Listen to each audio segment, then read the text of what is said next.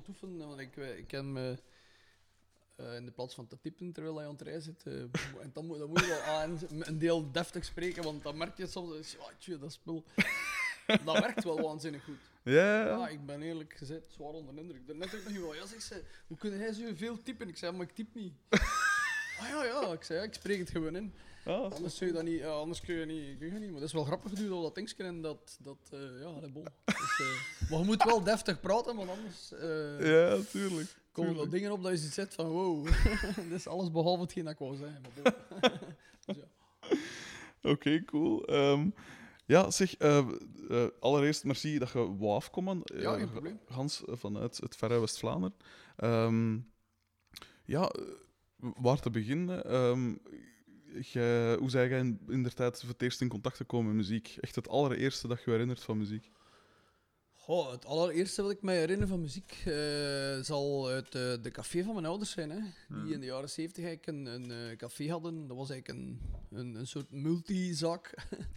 dat was... ehm, Dat was, ja, dat was eigenlijk grappig genoeg. Dat was een takeldienst, een garage, eh, café eh, en benzinestation in één. Zo. Typisch de old-fashioned mengelmoes van, Ja. ja, we spreken jaren, jaren 70. En er stond ook een hele grote eh, jukebox Mhm. met alle laatste nieuwe hits, alle nieuwe hits van toen eigenlijk. Ja. Allee, bon, eh, ABBA, Roy Orb- Orbison, eh, eh, alle popklassiekers eigenlijk. Dus ja, eh, ja, van kinds af aan eh, herinner ik mij. ja, dat stond ook altijd zo pokkel uit. Eigenlijk was dat zo, hè, zo'n jukebox in de tijd. Dat stond gewoon eh, eh, heftig. Dus eh, ik denk dat dat daar is dat ik de eerste keer met muziek in, in aanraking ben gekomen. Dus dat was ik vrij, vrij jong eigenlijk. Hè. Dus, ja, bon. En wat was dan zo de, de eerste muziek waarvan dat je je herinnert dat je hem graag hoorde? Al, ik bedoel, was er of een bepaald liedje of zo? Of? Eh, het, het grappige aan het verhaal is dat als je dat op zo'n jonge leeftijd oppikt, ehm, ga je daar eigenlijk geen namen aan identificeren. Mhm. Ik denk dat nu merk ik dat zelfs soms fans van bij ons die, die zeggen van ja, mijn, mijn zoon is vier jaar en hij luistert de hele tijd naar Channel Zero mee met mij. Allee, ik, maar goed, dat, dat wordt zo benaamd. Ja. In die tijd, moet ik eerlijk zijn, dat stond op. Mensen moesten daar ook eigenlijk letterlijk allee, vijf frank of, Ja. Belgische frank toen nog eh, Ja. voor in, in, in, in, een, eh, in dat bakje duwen om een liedje te kiezen eigenlijk. Allee, jukebox effect. Ehm, en dat stond ook continu op eigenlijk. Dat was eigenlijk continu. Ja, Ik weet, ik weet zelfs niet dat dat een zware inkomsten was. Misschien wel, ik weet dat niet. Dat was wel grappig, want dat, was, allee, dat is iets dat je nu bijna niet meer zou kunnen voorstellen. Dat je moet betalen om een liedje te horen in, in, Ja, in een café eigenlijk. En Ja, toen was dat eigenlijk doodnormaal. Nee. Dus en dat stond continu op. Maar ik, ik, het grappigste is dat ik eigenlijk pas al die namen grotendeels later ehm, leren kennen heb. Of dan, ja, dat je dan Hm. de, ver- of ja, als je dan eigenlijk eh, de videoclips zag, eh, want niet zo heel veel later dan, ehm, als tiener, bij mij eh, was de eerste periode van de echte videoclips. Hè. We spreken Ja. over de top-op Zeker. op eh, Nederland. Ehm, Ja. en ja, oké, met, Ad, met Ad Visser, dat was zo'n beetje, ja, dat was zeer populair. Dat was eigenlijk een beetje de voorbode van MTV. Mhm. Dus en dan leert je die muziek een deel op die manier kennen. ehm, maar dan ja, begin je er ook namen op te plakken. Ook, ja, ABBA was misschien wel... Het kan niet zijn dat ik dat niet zou kunnen opgenoemd hebben, maar ja, dat was ook wel overduidelijk, die klank. Allee, dat is ook nog Ja, hetgeen dat ik er fantastisch aan vind. Ehm allee, bon, eh, we, we mogen zeggen wat je, wat je wilt. Eh, Roy Orbison, eh, de meeste van zijn hits kunt je bijna binnen de twee seconden dat hij zijn Zeker. nummertje start ja, zeker. is dat een soort van werelderfgoedherkenning in het brein. ja, dat is zo. Allee, die kerel heeft een... een, een dat is ook de sterkte van zo'n hoekverhaal. Tuurlijk. De dag van vandaag is dat soms ook wel... Ik vind dat dat soms al iets complexer ligt om zo echt die, die hookiness Ja, eh, te krijgen. Dus ja, als, als, eh, als je... Only the lonely... Hop, eh, dat is twee seconden. Dum, dum, dum, dum, Ja. zijn. Dat was het begin toen. tuurlijk. Ehm, dus dat is heel herkenbare muziek. Ehm, en dat was voor mij, ja, ik, ik denk dat ik er ook heel veel dingen hoorde, dat ik zelfs nadien misschien zelfs nooit meer gehoord heb, want er waren waarschijnlijk ook minder hits die erop gedraaid werden. Maar ja, bon, de, de meest herkenbare, de ABBA's, deze wereld, ja. ik ben daar een deel mee, ja, een beetje mee opgegroeid. Dus Hmm. bon, dat was mijn eerste ehm, muzikale herinnering eigenlijk. Bon, ja, dat, dat moet het zo'n beetje geweest zijn. Mm. En hoe zijn je dan bij die hardere muziek terechtgekomen uiteindelijk? Wel, ehm, het hardrock-verhaal is, ehm, ik denk, als ik niet mis ben, ik ben zo eh, in eerste instantie met Kim Wilde. Hm. ehm, eh, goh, dat nummer eh, Kids in America. Ja, juist. Ehm, in aanraking, en dat was zo, ja, dat was opwindender. Hè. Dat was Mm. muziek die, die, dat had een soort drive. En eh, ik denk dat ik daar van daaruit eh, de eerste singeltjes van ECDC ook opgevist heb. Ehm, maar ik kan dat niet zo. Ik denk dat dat te- maken had met eh, een paar gasten bij ons op de, op de voetbalwijk. Want ik voetbalde toen in een, in Mhm. een lokaal ploegje. Zo. Ehm, en ehm, ja, ik herinner me dat ik zo eigenlijk de eerste singeltjes van ECDC ergens opgepikt heb. Maar ik vermoed dat dat in Zottegem of in Geresbergen moet geweest zijn. Ja. En ik, ja, dat was ook wel vrij grappig, want op die moment, ja, dat, we spraken dan over platendraaiers eigenlijk. En dat was dan voor mij ook, ja, eh, ik, je zag jij eh, typische hi-fi winkels met platendraaiers, allemaal fantastisch. Hm. Maar uiteindelijk is het wel zo dat je... Dat was duur, dat was duur materiaal. Dus ik kon mij eigenlijk dan niet permitteren om er zo'n eh hive installatie... Dus uiteindelijk denk ik dat ik gewoon voor mijn... een of andere verjaardag of, of god weet wat, een, een, mini-pick-up. Dat was zo'n soort open plooibaar Ja. platendraaiertje, waar dat je ook, ook 33 toeren, dus grote plaat kon opdraaien, Mhm. maar dat, was, dat, dat, dat ging er eigenlijk letterlijk over. Dat was met een soort een dubbel plooisysteem met, met een, een arm die eigenlijk van, van op de zijkant van op dat tweede stuk naar die... eh, Ja. En dan herinner ik me nog, dat was eigenlijk wel vrij grappig. eh, en ja, aangezien dat mijn vader een garage had, en ook mijn, mijn eh, onkel en zo, en mijn grootvader, die hadden redelijk wat van die... Toen der tijd van die typische autoboxjes liggen. Ja, ja. En ehm, ik weet nog goed dat ik toen, ja, zonder enige kennis, het enige dat ik gedaan heb, was zo vier van die boksen rechts en vier van die boksen links eh, aan elkaar ge, gehangen, omdat ja, dat moest luider klinken, weet je. Dat, dat, dat klonk niet op zo'n spul. Dus ja, dat was eigenlijk al vrij grappig. Dat was zo mijn eerste eh, in elkaar geprutste... Alleen de dag van vandaag is dat bijna niet meer denkbaar. Nu ga je naar de winkel binnen en je koopt u een toestel voor 50 euro en, en dat klinkt Hm. toch min of meer. Het kan niet Dus zijn dat- dat, je er al bijna bent. Maar je kunt dat niet vergelijken met, met, eh met, met toentertijd. Eh toentertijd was het echt eh, ja, bijna je plan trekken met niets, eigenlijk. Dus en dat, was wel, dat had wel iets, maar ja, dat, dat, die vielen dan ook weer uit, want die boksen, dat ding dan aan elkaar en dat, dat, dat was heel geprutst en gedoe. En dan, ik denk dat ik dan... ehm, eh, de volgende fase is dan gebeurd toen ik in het eerste middelbaar in Heeresbergen eh, kwam. eh, was er iemand op de, op de school die echt zo... Die had een collectie van platen eh, waar ik letterlijk van achterover viel. Hm. En dat was ook wel vrij grappig, want wij brachten toen zo van die cassette-recorders mee. Van die typische oude, Ja, waar je misschien zelfs nu nog tot niks aantal jaar geleden eh, sommige interviewers nog zag mee. waar je de twee, de twee knoppen moest induwen om te kunnen recorden. tuurlijk. En ehm, daar is dat eigenlijk begonnen, want ik weet nog goed dat er dan toen iemand was ehm, die echt, ja, die had een waanzinnige collectie en die had ook zo de platen die. Je moest hebben, bij wijze van spreken. En toen ik, ik ga het nooit vergeten, ik ben toen op een bepaald moment, denk ik, gewoon naar, naar, naar de winkel geweest en ik heb zo, denk ik, 20 lege cassetten gekocht van 90 minuten toen. Dat Mhm. was toen, eh wow. Eh, en dat was, had dan ook de metal eh, onderverdeling, dus Oh. metal quality, bla bla bla. Ja, dat was eigenlijk bandjes die gewoon duurder waren. Ja, ja dat Mhm. was gewoon een, een, een, technisch procedé. Ja. Ik heb die meegegeven en die kerel heeft dat dan ja, nogal vrij snel allemaal opgenomen. En ja, sinds dat moment ben ik dan eigenlijk zwaar, ja, zwaar beginnen ja, die cassettes beluisteren. Zo is dat eigenlijk begonnen. Dat is eigenlijk de, de, het de hoofdding. En in Geresbergen was er dan ook één winkeltje. Ehm, een platenwinkel eigenlijk. En eh, Mhm. dat, was mee, dat was heel funny, want dat was eigenlijk een oud Aziatisch vrouwtje. Dat was, ja, dat was echt wel heel funny, maar die had gewoon letterlijk alles wat dat op die moment uitkwam. Dus dat was niet normaal. Ja, die, die, die had dat ook waarschijnlijk door, ja, dat er heel wat... Ay, pas op, veel van mijn maten en iedereen... Ja, wij gingen continu naar die... Naar die Hm. ik moet eerlijk zijn, we hebben daar gewoon al ons, eh, ons, ons drinkgeld van vroeger al aan gespendeerd. Die, die, Cool. ja, die- vrouw die viste gewoon van iedereen in Gerasbergen. eh, ja, dat was wel echt wel niet te doen, want pas op, je moet ook, niet, allee, je moet ook zo zien. Ja. Die verkocht een, een groot gedeelte hardrock, die dat toen echt opkwam, maar die had Mhm. ook eh, Madonna. En allee, dat was, dat was een, een platenzaak breed. Dat was niet alleen metal, maar Ja. die had, die had zo'n edele een hoek met, met, met altijd... En ook zat altijd, echt letterlijk altijd de laatste nieuwe platen. Dat was Ja. heel funny, want dat was eigenlijk iemand, als je, als je zou gezien hebben, dan zou je die nooit geïdentificeerd hebben met mij. Het kennen van zoiets. Dus ofwel was er dan iemand die voor haar, misschien haar zaak, die zei van ja, dat Ja. moet je erin zetten. Maar dat was wel funny, want ja, zat het wel. Dus en, ja, wij- voor ons was dat toen ook nog het momentum, dus geen dat nu niet meer bestaat.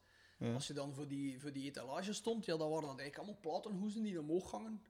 En dat, dat was ook wel eh, grappig, want ja, je had altijd zo dat momentum. Nu, nu weet je eigenlijk bijna altijd alles op voorhand, want het staat online. Of Ja, het voilà. moet zelfs bijna online staan. In die tijd ja, moest je wachten tot als dat in, de, in die vitrine hing. Tuurlijk. Je had geen andere optie. Het was niet zo dat je... Ja, of tenzij dat je natuurlijk eh, het vliegtuig zou kunnen nemen naar Londen of, of allee, noem maar op.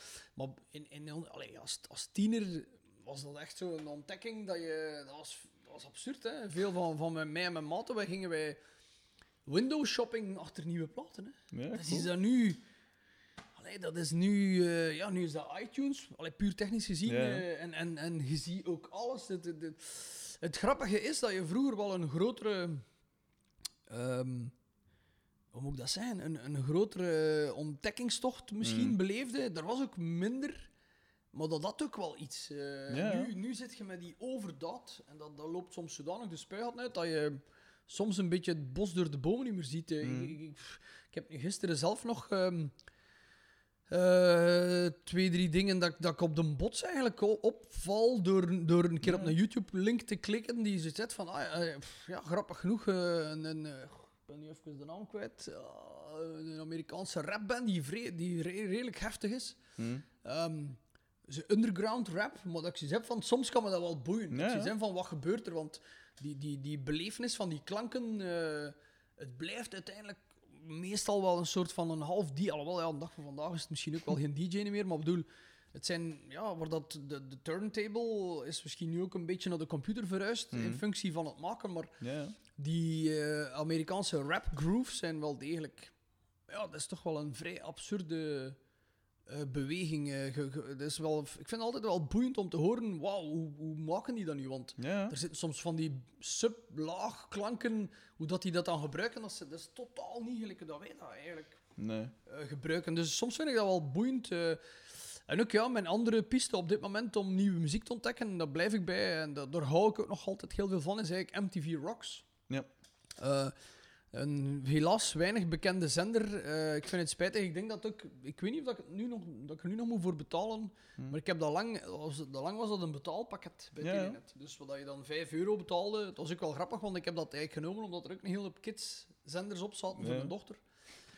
Oef. Ik, en, eh allee, ja, bon, nee, maar wil ik tuurlijk. dat is een beetje de reden dat ik zat van, kijk, weet je wat, ik wil er wel 5 euro voor betalen. En Mm. ehm, tot mijn grote verbazing is dat eigenlijk de, dezelfde zender als in der tijd MTV was. Ja, ja. Alleen de MTV Popular, die nu gratis overal opstaat, Hm. is die typische, eh, al die Amerikaanse eh, pff, bullshit eh, talk. de een heeft op de ander zijn lief gezeten en ze moeten dat per definitie, ja, allee, bon, of ze moeten dat per definitie op de camera gaan Tuurlijk. er ook ja. bij halen. Allee, ja, bon, dat is heel raar. Music, television, MTV ja. Is alles behalve MTV. Maar het grappigste is, die MTV Rocks is een zeer boeiende... Ja, gisteren nog, wat is het? Eh, Itch, de band Itch. Hm.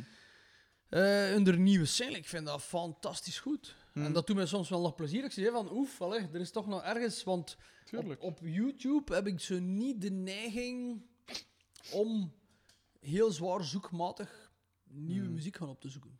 Dat is niet zo dat ik zoiets heb van ja, of al de bots, of, of ja, misschien een deel dan soms op eh, Facebook. Ja. Maar ik, bro, ik durf niet zeggen dat ik zo eh, in die mate het, het, het opzoekingswerk, ik weet dat niet, ja, allee, dat is, dat is ook Hmm. met zijn momenten. Wat ik wel doe, eh, is heel veel shazammen. Ja? Als ik dingen eh, op de radio hoor, dat ik Dat wil, eh, dat, dat hou ik er altijd bij. Dus ik heb zo meestal zo'n lijst van 50 dingen, eh, dus soms ook heel commerciële stuff of dingen dat ik vind dat waanzinnig goed klinken. Dat. Ehm, eh, en dan meestal doe ik daar zo op een bepaald moment heb ik altijd zo van, ja, ik denk, denk dat, ik weet niet hoeveel dat er nu zijn, maar het is een pak. En dan, dan, dan ga ik gewoon die lijst eens af op Mhm. iTunes en dan koop ik soms wel de, de, de singles of de platen, al dan niet. Als ik iets ontdek dat ik Mhm. echt de max vind, dan... Ja, dan, dan Ja. like, eh, Banks eh, bijvoorbeeld, een paar maanden geleden allee, een deel ontdekt. Mhm. En dan koop ik gans die plaat wel. dus ja, bon. ik koop mijn platen nog wel ja, bon. Zeg, en hoe, hoe zei je dan... Er, dus je was duidelijk wel al van in het begin, of van vrij jonge leeftijd, allee, dat je merkte dat muziek je wel raakte. Allee, al was het maar puur van... Ja, dat je het, het, het leuk vond om, om te horen, gelijk de meeste mensen. Maar op een gegeven moment zit er dan toch de stap van, oké, van luisteren naar echt muziek maken of zingen. Of, allee. En hoe, hoe is dat aangekomen? Goh, eh, bij mij is dat letterlijk op de bots gevallen. Dat is een verhaal dat... ehm, ik, ehm, ik had niet de ambitie om te gaan zingen of in een band te... te- ik, ik had niet zoiets van, oh, ik wil in een band gaan zingen of, Mhm. of, of muziek gaan spelen. Eh, ik was wel heel obsessief met, muziek, met die hardrock bezig. Eh, ik schreef voor, voor van die blad, bladjes in Peru en, en dat was ook wel vrij grappig, want ik zat ook in die tape trading eh, verhaal. Dus er waren in, in die tijd waren er heel veel mensen die eigenlijk live tapes opnamen, die eigenlijk naar concerten gingen met een deftige recorder, een, een live concert opnamen, die dat dan eigenlijk op een cassetje eh, zetten eigenlijk. En die bandjes gewoon in lijsten werd dat door, doorverdeeld eigenlijk. Dat was echt wel een vrij obsessief eh, verhaal hoor. We hadden er mensen bij waar wij soms, hoe moet ik dat zeggen? Ik weet, nog, ik weet nog dat wij dan.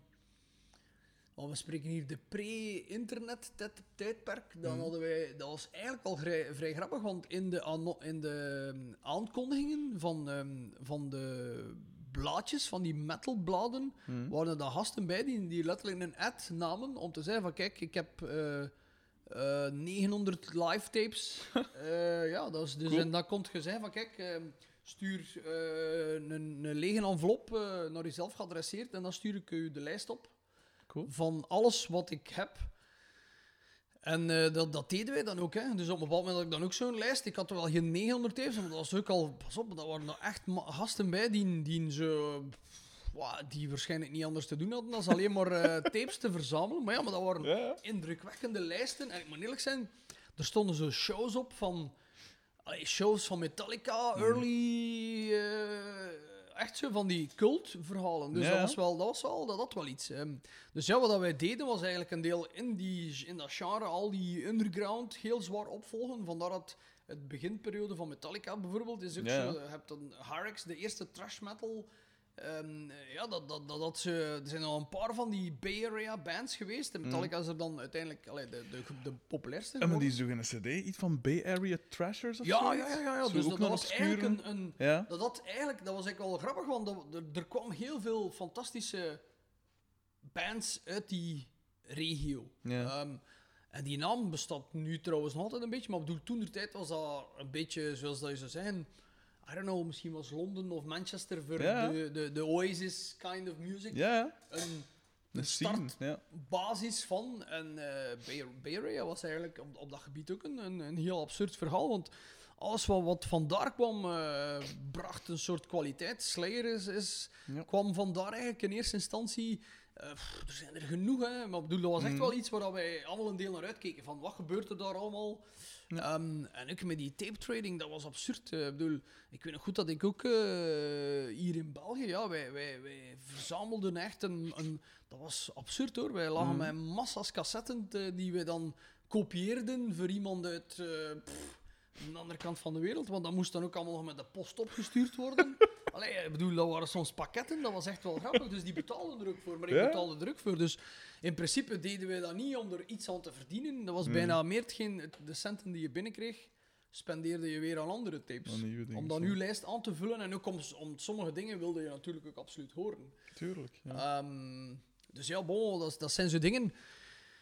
Eh, dus ik was er wel heel intensief mee bezig, maar Mhm. uiteindelijk had ik niet zo de grote ambitie om zelf iets te gaan doen. Eh, het verhaal met Channel Zero is puur eigenlijk meer op de bots gekomen.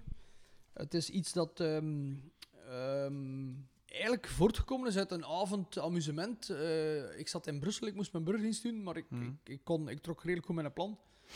Eh, op die burgerdienst en ik, ik, moest, allee, ik was eigenlijk niet zo heel veel aanwezig, maar ja, de job die ik moest doen was wel af. Ja. Dus ja, ik moest facturatie doen. En die dokter vond dat ook niet erg, dus ik zat kijk, in Brussel veel in, eh, in, in die repetitielokaal, waar al die groepjes aan het... Mhm. en daar, er was één lokaal waar we veel naartoe gingen. En ehm er was eigenlijk een jaarlijkse eh, avond om de bar eigenlijk een deel te sponsoren. Mhm. Dat was ook niet de bedoeling om daar... Allee, die repetitielokalen waren niet gebaseerd op het feit dat die een bar moest omzet draaien. Die bar was er Nee. eigenlijk om gewoon een drankje te kunnen drinken. Ja, ja. Like een, een soort eh, vending machine zonder... eh met iemand achter het een bar eigenlijk. Ja, En dus dat was heel goedkoop. Dus wat wij deden was één keer op het jaar... ehm, eh, was er zo'n avond eh, georganiseerd om, om ook een beetje in te richten. Allee, om, dat, was, dat was eigenlijk een veel oud gebouw. Mhm. Eh, en ik om die verwarming te betalen van die... Allee, dat was toch, in, Ja, de, ja. in de winter was dat toch een plaats... Bon, Tuurlijk. anders moesten wij zelf met onze elektrische vuurtjes in ons repetitielokaal ons warm spelen. dat ze zeggen. Alleen, maar toen speelde ik toen nog niet in een band eigenlijk. En ik ben daar Hmm. echt eens op zo'n avond op de bots in zo'n verhaal ingestapt. En, en iedereen had zoiets van, damn, je moet gewoon zingen, gast. En ik, ik had zoiets van, ja, I don't know. Allee, ik, ik was er echt niet mee bezig. Dat was, Voor Hmm. mij was dat puur van, wow, ja, ik zing dat wel mee. Ik ken Slayer goed genoeg. Ja. Of Metallica, of allee, ik zong dat mee zonder dat ik dat door had. Mhm. En zo is dat eigenlijk begonnen. Maar ja, de grote ambitie om, er, eh, om plotseling eh, iets te gaan doen op een podium. Want ik, Mm. ja, ik had twee, een kleine twee jaar gewerkt als technisch tekenaar. Ja. En dan werd ik opgeroepen voor mijn burgerdienst. Dus ik moest die burgerdienst doen. Ik kon dat niet weigeren. Dat was gelijk leerdienst. Ja. Je, je moest dat eh, volbrengen. Mhm. En eh, uit die burgerdienst ben ik dan in dat Channel Zero verhaal ingerold. eh, grappig genoeg. En ja, nadien zijn wij dan heel snel Ja. Eh, vertrokken. Maar bon, het- er was geen groot plan. nee, nee, absoluut niet. Ik weet nog dat ik bij mijn... eh, ik was een keer bij mijn, bij een tatoeëur voor ja, overduidelijk eh, Ja. doeleinden. Ehm, en op een gegeven moment... Werkte toen nog, dat was bij Kostek in Brussel, op, de, op het Vossenplein. Eh, toen had daar nog staat Boucherie Modern. En eh, hij had me- wat is juist gedaan, of weet ik Was veel. was chef? Nee, het was eh dingen, Kostek zelf. eh eh, ah, zinneke. De Max. We zitten in L.A., hè? Ja, inderdaad, ja. Cool. Eh, merci trouwens voor, voor een aanblik op uw buik. Ehm, Maar ja, het is de chef tot daar, dus ja, het is dat. niet aan te doen. Maar eh, dus de Kostek had het juist gedaan en in één keer er kwam iemand een trap op en dat was een bijer van een gast en achter hem was een schoon meisje nog. En eh, die waren al aan het praten en die stak me eh, een, een joekel van een hand eh, uit. Ik schud die in de hand en Dat is ja, veel. Ze waren wel aan het praten en zo en hij ging weer weg. En Kostek zegt zo tegen mij, kende die gast? Ik zeg, "Bah, dat, die- dat gezicht komt mij wel bekend voor. Hij zegt, ja, dat is Phil, dat is de drummer van Channel ja, Zero. ja, ja. Eh, dus dat was mijn eerste ontmoeting met Phil. Ja, dat is Maar ook wel eh, indrukwekkend. eh. Ja, het zou wel een bijer van een gast. Maar waar jij eh, hem en bij uitbreiding uw andere groepsleden leren kennen? Wel, het is zo dat ehm, ehm, het verhaal met Phil is eigenlijk het eerste verhaal in Channel Zero, zonder dat ik dat toen eigenlijk heel goed door had. Dat dat Mm. iemand was die een hele zware impact op mijn leven zou gaan eh, hebben. eh. Ja. Ehm, ik, eh, ik weet nog goed dat ik op bepaald moment even een, een heel korte periode met een, een, een, ja, eigenlijk met een band rondgereden heb. Mhm. Een Europese tournee gedaan heb. En Phil is er eigenlijk op de helft van die tournee met zijn toenmalige band, 69, op die tour terechtgekomen, omdat die Duitse, het voorprogramma, de Ja. Duitse band, eh, moest eh, stoppen omdat grappig genoeg de drummer moest zijn burgerdienst ook doen in Duitsland. Ja, dus, eh, dat bestond dus blijkbaar in Duitsland ook. En, eh, Ja. en Phil is dan op die bus gekomen. Eh, maar ja, ik reed met hun rond. Ik was eigenlijk Ja. buschauffeur, eh Rodi, eh, eh, sleper van van alles en nog wat. en eh, ja, bon, en dan plotseling kreeg de Phil, eh, maar die was toen nog, ja, in zijn, ja, dat waren toen nog al twee twintigers, begin Mhm. twintig, twintigers. Nee, nee, of, ja, of net nog niet. Hm. En ehm, het grappige is dat ja, Phil is een heel uitgesproken persoon. ehm, en dat was wel funny, want ja, wij zongen toen ook al mee. Ja, we zit, je zit je zo uren en uren Mm. in zo'n bus. Pff, eh, ge- ja, ik was ook aan het rijden, dus ja, bon, iedereen mee met mij. ehm, en, eh, en dat was wel grappig, want ja, dan stond er ook van alles op. Mm. Weer continu... ge- we spre- ik denk zelfs dat het nog cassettes waren. Ja, ik weet niet of dat, dat al cd's waren toen. denk het zelfs niet. Hmm. Dus dat waren cassettes die in die cassettespeler ingeduwd werden. En ja, al onze favorieten stonden erop. Iedereen had zijn cassettes mee, technisch gezien op toen. Ja, bon. En eh daar wordt er ook alweer mee meegezongen. En Phil had, had toen wel ooit al eens de reflectie gemaakt van ja, naar zijn eigen zanger, want die zat grappig genoeg naast mij dan. En die kreeg dan onder zijn voeten, eh, ja, als het zo doorgaat, eh, ga ik de chauffeur als zanger pakken. Want hij kunt, je stem trekt toch op geen kleur. Allee, bon. Maar ja, dat was toch wel voor mij wel vrij grappig, want wij Ja. waren gewoon, ik was gewoon buschauffeur, Ja. Rodi, ehm, Hmm. organisator, allee, organisator is een groot woord, want het was iemand anders die het organiseerde, maar oh, Nee. invuller van alle trouble-toestanden. Dus allee, dat was ook niet mijn bedoeling, we we zongen gewoon mee. En dan, alsof het er moet om doen, Hmm. is Phil dan eigenlijk de persoon geweest die, ik, ehm, eh, die dan nadien eigenlijk ook... Er, eigenlijk heeft hij die eerste aanzet ge- gezet, want het andere verhaal is... Ik woonde in de streek van Xavier. Ik, allee, woonde... Ik, ik, ik had een lief eh, in de Hmm. streek van ehm, Xavier, waar ik dan Xavier ook op een ook eens ontmoet heb. En zo ben ik met hem dan ook in contact gekomen. Hmm. En ehm, eh, door allerlei omzwervingen via de band Cyclone, waar Xavier dan in gaan spelen is, waar dat hij na, denk ik, twee maanden weer uitgestapt is eh, vanzelf. Ik, ondertussen zat ik al in die band, ik kon amper bas spelen. Ik was, het was wel grappig, want ik was plotseling... eh, ik, ik, was plotseling, ik was plotseling bassist in een band en ik, ik had, ik had d- drie lessen, en, drie lessen en een half gekregen van Xavier. Uh-huh. Allee, de dedication was er wel, maar ik denk dat mijn look beter paste dan het verhaal muzikaal. Maar bon. Ehm, maar goed, allee, ik ben dan ook gestopt met dat verhaal. Dat was wel Mhm. vrij absurd, want dat was toch een- ik mijn favoriete liveband. Ik had toch gigantisch veel live tapes van Hmm. in die tijd. Ehm, en, eh, maar uiteindelijk is het wel... eh, ik denk dat ik met Xavier dan iets begonnen ben, maar dat heeft twee weken geduurd. En dan is Phil eigenlijk komen aankloppen bij ons. Om te vragen van, ja, zie je dat niet zitten om iets samen te doen? Maar je moet zo zien, in die tijd in Brussel waren er zo twee kampen. Had het, de gasten die de trash metal eh, Mhm. zwaar eh, ondersteunen. En dan had je, de, had je meer de hardcore punk Ja. eh, kant. En die Ja. konden elkaar eigenlijk niet echt luchten. Of toch... Allee, ik kan niet zeggen dat dat... dat, dat, was, er was toch een soort van anti-verhaal. En Ja. ja, Phil zat in dat hardcore punk verhaal, ook met 69. Eigenlijk een heel andere... mm, Allee, heel andere... Een, een licht andere variant. En, Mhm. en ja, Phil kwam dan aan de deur kloppen om te zien of dat wij iets samen wilden doen. En dat was bijna de vijand die kwam aankloppen. Hè. Ja, allee, dat was, ik had geen probleem met Phil op zich, maar Ja. muzikaal was dat van eh, no way. Hè. Dus eh, not done. Dus ja, bon. eh, het is wel zo dat, dat, eh, ja, ik denk dat die jongen die toen bij ons drumde, was ook niet echt de strafste drummer. En Xavier had ook zoiets van, ja, wil je niet zeggen dat je wilt, Phil kan wel veel beter drummen. Ja. Allee, he, knows how it works. En hij had ook materiaal, wat dat ook niet onbelangrijk is als drummer. Tuurlijk. uw, uw gear maakt ook wel uw, uw verhaal. Hmm. Dus alles bij elkaar eh, zijn wij toen eigenlijk zo begonnen. En ja, bon, eh, dat logo is dan eigenlijk door een maat, een Indiër die in Brussel woont, die waanzinnig goed kan tekenen, die tatoeëert, Ronnie. Maar ga, ga zijn naam, ben even zijn naam kwijt. Ehm, Arjuna Ponnen noemt hij, maar ik weet niet of dat hij onder die naam tatoeëert. Ehm, eh, want die kerel kan waanzinnig tekenen ook. eh allee, het verschiet er niet van dat hij gaan tatoeëren is, want hij is, is ook een Mm. waanzinnig artiest eigenlijk. En die is met dat logo afgekomen, dat was direct iets dat viel. Eh, ja, wij waren also de eerste twee, drie dagen heel veel met elkaar onder de baan. En ja, die plaat van Public Enemy was dan heel de tijd in de wagen van Phil. En ik kwam dan ja, met ik had zoiets van, ja, waarom pakken we niet Channel Zero als naam? En iedereen ja. had zoiets van, ja, waarom eigenlijk niet?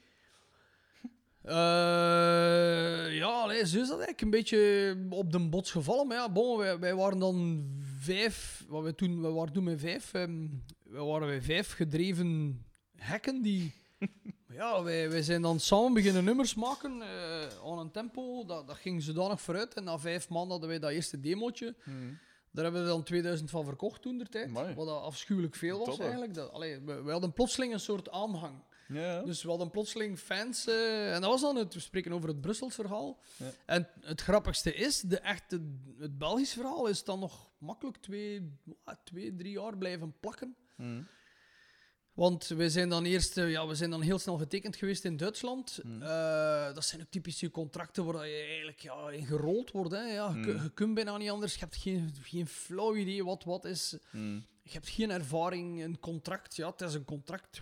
We moeten dat allemaal tekenen. We gaan een plaat maken. Voor ons, dat is zo typisch. Allee, ik bedoel, het platmak-idee ging boven al de Ja, ja. technical Ja, eh, arrangements eh, rond dat verhaal. Dus ja, Ehm, waren wij gewoon gelukkig dat er iemand uit Duitsland zegt van ik wil investeren in jullie en we gaan dat doen. En het grappigste is, die plaat is uitgekomen en dat, dat, we, sto- we stonden bij dat plotseling met 7000 platen verkocht in eh, Duitsland. Cool. Wacht, seco- ik gaat hier met een facteur zo van 10 seconden. Ik stond toch niet voor iemand zijn poort, want ik, ik dacht dat... eh, Dat zou ook wel kunnen. Ah ja.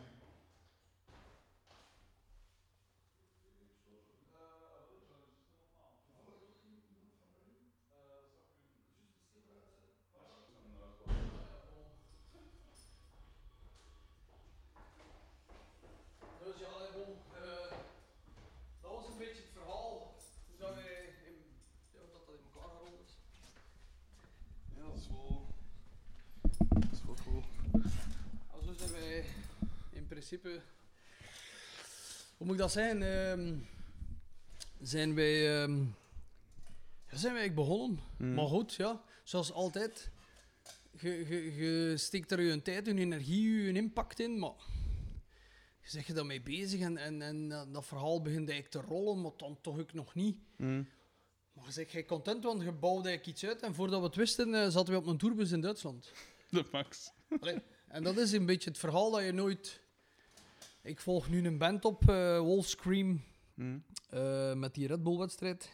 Just, ja. En ehm, ja, die gasten ook, die, die, je ziet dat ook, dat zijn allemaal. Allee, ik, zie- ik zie in hun, mij, tw- 20 jaar geleden, Ja. dat ze zeggen van ja, oké, nu moet je eigenlijk de volgende stap maken. En dat is ook wel grappig, want die, hebben de, die willen dat ook allemaal wel. Maar je ziet toch dat de wereld dag van vandaag veel complexer is. Je moet misschien. Mm. Ik denk dat wij in die tijd nog veel meer zoiets hadden van goed, we bollen het af. ehm, We zien wel. en we zien wel, eh, vliegen we buiten uit ons eh, appartement. Ja, so be it. eh, pff, allee, maar bon, ja, een keer als je een beetje gesetteld bent of je zit in een vast verhaal. Mm. eh, de wereld eh, houdt wel van durvers of van, niet alleen van muzikanten, maar mensen die Mm. gut- de guts hebben om te doen. Maar de dag van vandaag denk ik toch dat je in een soort technische wereld zit die toch wel een vrij. Ja, dat is niet altijd evident om te Mm. durven kiezen om een beetje. Ik kan niet zeggen dat je uit de maatschappij stapt.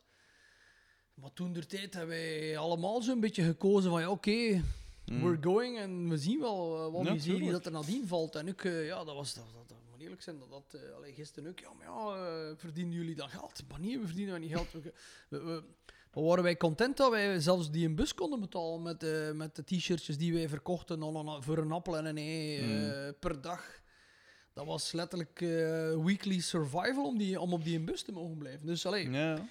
Dat, eh, mensen hebben soms iets van, wauw, man, jullie, dit en dat. Ja, het is allemaal wel vrij gemakkelijk, maar allee, je, je moet toch... Ja, ik blijf erbij. Ik lach er dikwijls mee. Mm. Ik ben van Zottegem eigenlijk en ik zei nog een chance, want je moet eigenlijk een vijs los hebben om dat, om dat te willen doen. Dat zal wel, ja.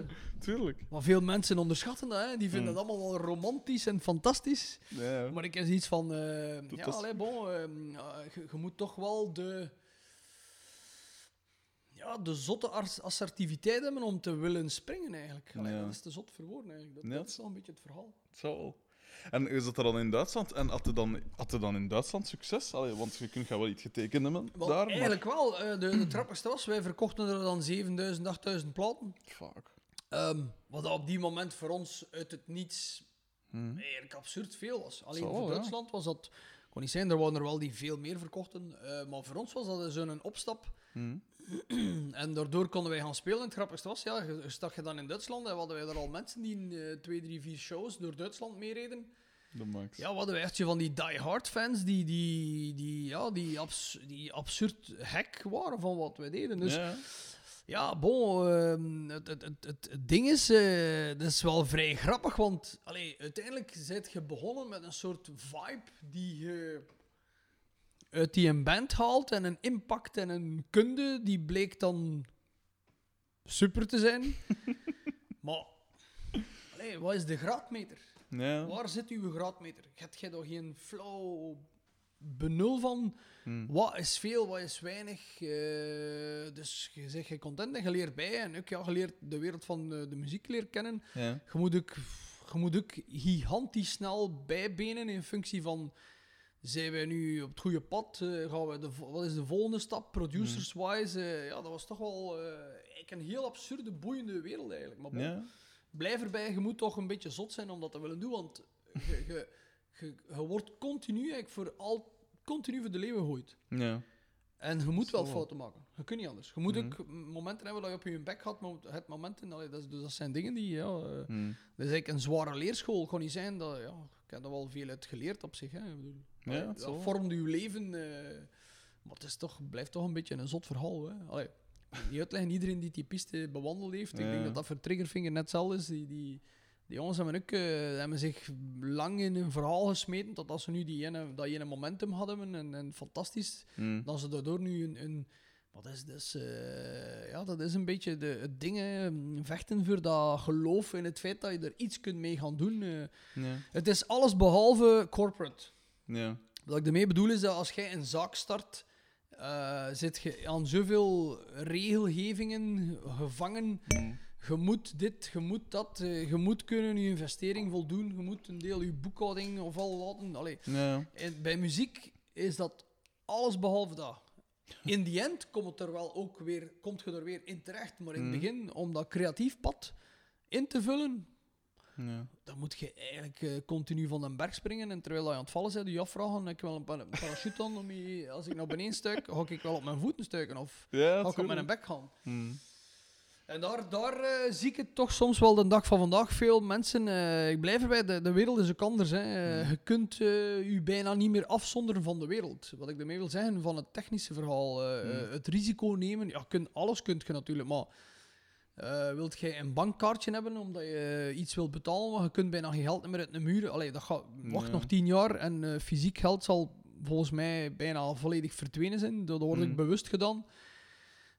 Ja, bon. eh, de wereld wordt een heel complex verhaaltje, vind ik. Ehm, en toen de tijd was dat misschien hier en daar toch een tikje minder complex nou, nog. Hm. En dat had wel iets, want dat had opening om de durf om te doen van wat je dan misschien, ja, misschien nu niet meer zou kunnen doen. Ja. Denk ik. Waren er op dat moment, want we we spreken nu over begin tot halfweg jaren 90, schat ik, waren er eigenlijk in België eh, nog andere groepen binnen jullie genre ongeveer dat ook wel dat ook die sprong gemaakt hadden? Of waren jij niet de eerste dat... Goh, ik denk dat wij wel degelijk ehm, het buitenlandse verhaal, voor zover dat het dan eh, Mhm. heel zwaar is geweest, want dat was eigenlijk vind ik dan nog een wereldverhaal oké, maar dat is ook niet zo dat wij wereldberoemd geworden zijn, figuurlijk Mhm. gezien. Ik denk dat wij toen wel binnen dat genre, denk ik, de band waren die... eh, ik denk eerlijk gezegd dat de band, Cyclone, waar ik daar ook even eh, met Xavier het verhaal eh, aangeraakt heb, die, die, die zaten met een vibe. Die hadden een aanhang dat was bijna maniacaal, waanzinnig ook. Ja, ja. Want waar dat, hey, die- dat is ook een deel kapot. Die, waren, die zijn zo precies een tikje te vroeg gevallen. Ik weet dat niet. Het is moeilijk uit te leggen waarom dat die dat niet gehaald hebben. Hm. Uh, het is wel zo dat wij door dat Duits verhaal. En ik denk ook een beetje door de oh, samenloop van omstandigheden, het durven mixen met die Amerikaan. eh, de tweede plaat die mislukt was door een toeval. Die dan, no- dat was hier in Aalst eh, met die J. de Man. Hm. was hij de, de kerel die eh, door zijn eigen fanatieke eh, metal, die had hier een metal platenzak eh, in de wat is het, Korte Zoutstraat, denk ik. In de, dat was in de, ja, zeg maar de Diamonds. Kettenzaadstraat. Eh, wat blieft? Zeg maar de Ja, de Kettenzaadstraat. ka- ja, de, ja, ja, maar ik ben geen Noostenaar, hè, dus eh, ik kan als drie woorden oysters. Ik Ja. heb ook twee jaar op de hopmarkt gewoond. Dus. Is het echt? Ja, ja, ja. Ja, ja, cool. Ja, ja, ja, ja, Fijn. bon. Dat waren de zware periode. Dat was heftig. Dan moet je nooit zijn. Ja, dan moet je een oostje zijn. Dat was toch wel eh, redelijk eh, straf van toebak. Eh, maar bon, allee, alles bij elkaar was zo Mhm. dat eh, die, die, die, die mix die wij toen gekregen, allee, verkregen hebben. Allee, ik was ook zot genoeg om, om, om mijn vriendin daarvoor naar de bank te, te, te sleuren om, om door een lening voor aan te gaan. Oei, ja. Samen met nog een paar mensen en wat geld bij elkaar gelegd. Om een plaat te mixen die mislukt was in Duitsland. Eh, Maar dat was dan wel met een drummer van, van Pantera. En dat had te maken met het feit dat eh DJ ging elk jaar naar de Foundations Forum. Een beetje het, het, gelijk het filmfestival van Cannes, maar in L.A. dan. Of allee, de Oscars zou ik nu niet zeggen, maar zo een, een, een soort uitwisselingsbeurs voor alle nieuwe eh, labels. Die dan Ja. eigenlijk, waar dat hij bijvoorbeeld de eerste cassettes van Pearl Jam nog... Cool. Meebracht. Dus Ja. DJ was echt een, een, een muziekfanaat in hart en nieren. Hm. Dat was iemand van Alstier. Hm. En die ging er ook al een jaar naartoe, naar, naar Allee. Dus die ging een week naar Allee om naar dat, naar dat, dat festival te gaan. En, ehm, en zo heeft hij daar bands à la Pantera leren kennen, voordat hij eigenlijk wereldwijd. Ja, ja. Dus wat er toen gebeurde was eigenlijk, eh, toen hij dan over hier kwam, kon hij die ook bellen, want die had er contactinformatie van. Ja, kom er niet in mijn winkel een plaat tekenen. Dus ja, die Cool. had die plotseling Pantera in zijn zaak staan. Nog net voordat ze dan echt wereldberoemd geworden zijn. Ja. Maar dat was wel funny, want ja, allee, iedereen die het genre volgt, had zoiets van, damn, hoe, hoe, hoe doet hij dat? Nee. En vandaar dat we dan eigenlijk die vraag kunnen stellen hem, van ja, die mix is mislukt. En hij had zoiets van, ja, zullen we dat niet laten doen door hem? En ja, eh, ik dacht in het begin van, ja, allee, Vinnie Paul, wat gaat die ons plaat mixen?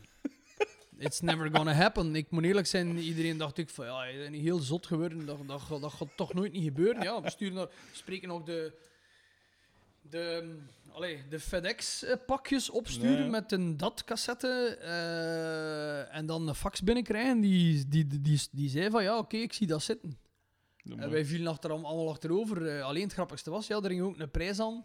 en dan die in Duitser wou dat niet geloven dat wij dat gingen mixen. Die wou niet, letterlijk niet geloven. Eh, Ik ben niet zeveren. Die, die in Duitse platenbaas, die had zoiets van, ja, je bent hier met mijn voeten rammelen. De, de drummer van Pantera gaat die plaat niet mixen, maar voor een band onneuzelers zeg jij niet. Dat was letterlijk de uitleg, de uitleg die ik aan de telefoon eh, kreeg.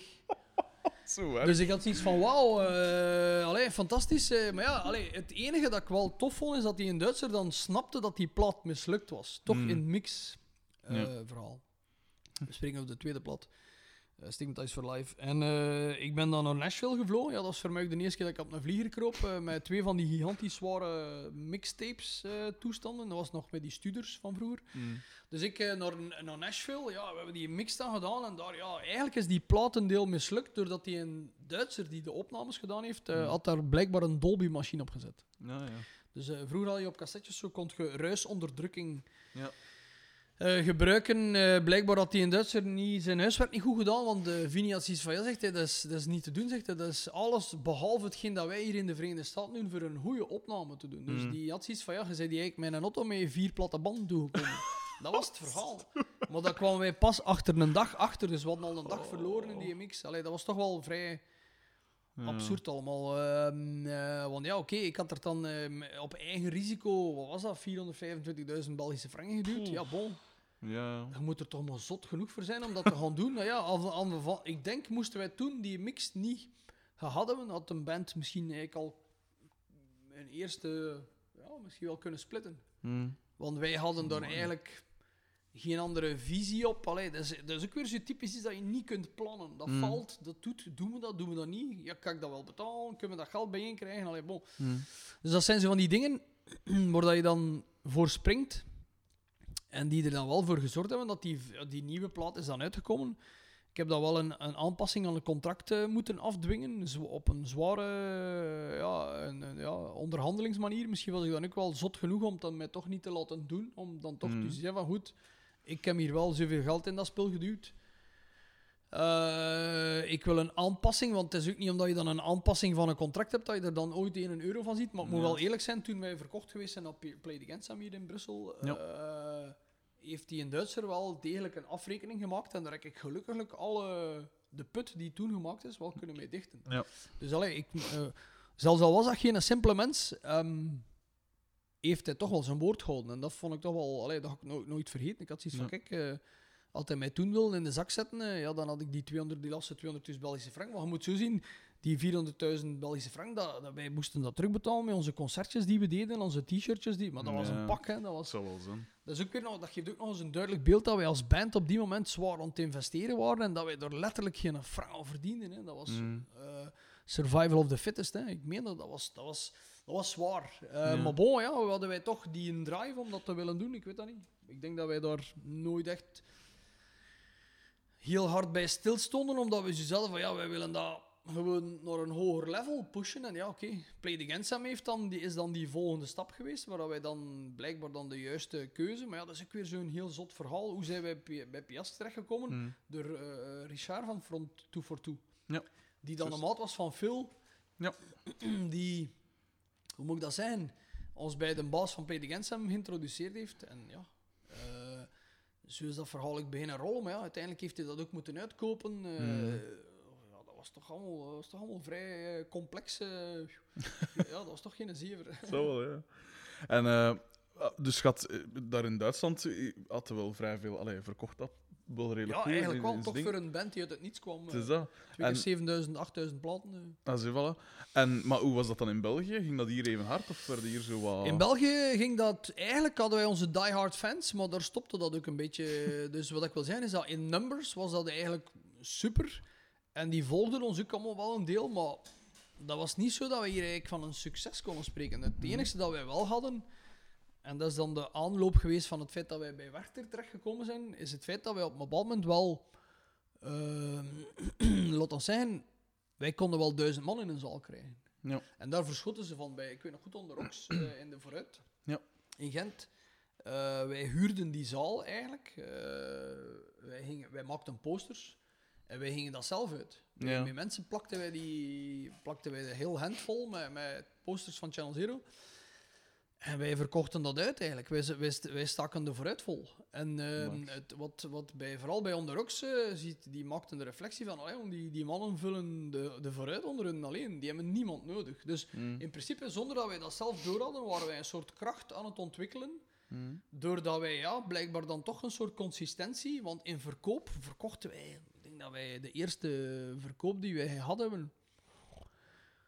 Was, dat was ik, denk, ik denk dat dat 300, 400 was van de eerste plaat. Amai. CD's die hier verkocht. Dat was via Rough Trade. Dat was Ja. via Chris Prouvé, die nu nog eh, steeds eh, een beetje eh, het, het verhaal Mm. in de frontlinies probeert te bevechten. En ik denk dat die in tweede dan naar 700 gegaan is. En toen heeft Studio Brussel, dat was nog Chantal Patin, grappig genoeg, Ja, ja. die nu net hoofd van Clara is, Juist. die, die eigenlijk ehm, ons, ons toen zo een beetje druk van tussen viste, omdat die, ja, wij begonnen op te vallen. Maar Ja. dat was eigenlijk nog vrij underground. Dat was niet gemediatiseerd zoals dat, nu veel gebeurt. Als er zoiets nieuws is, Ja. dan krijg je direct eh, de full exposure op, op Studio Brussel. Ja. En ik vind dat dat soms dan zijn voor, maar dat kan ook zijn nadelen hebben. Want Mhm. soms zijn die bands nog niet klaar of, of dat, dat klinkt al vrij goed. Maar Ja. Allee, bon, ehm, eh, wanneer maakt het verschil? Dat is soms heel moeilijk in te schatten. Mhm. Dat- dat is wat ik zeg, een graadmeter. het probleem is soms dat als de graadmeter bepaald wordt door een radiostation of iemand die enthousiast is op de radio, Mm. kun je door mensen voor gemotiveerd krijgen. Maar uiteindelijk, op het einde van de rit, is het de muziek die voor zich moet spelen. Tuurlijk. Dus allee, er zijn toch altijd zo dingen die. Wanneer werkt dit, wanneer niet? Dus in de Mhm. tijd was dat allemaal nog zo'n klein beetje. Je werd er dan uitgepikt. En ik weet nog goed, ja, dat eerste interview dat was veel langer dan ik had gedacht. Allee, bon, dat was voor ons fantastisch.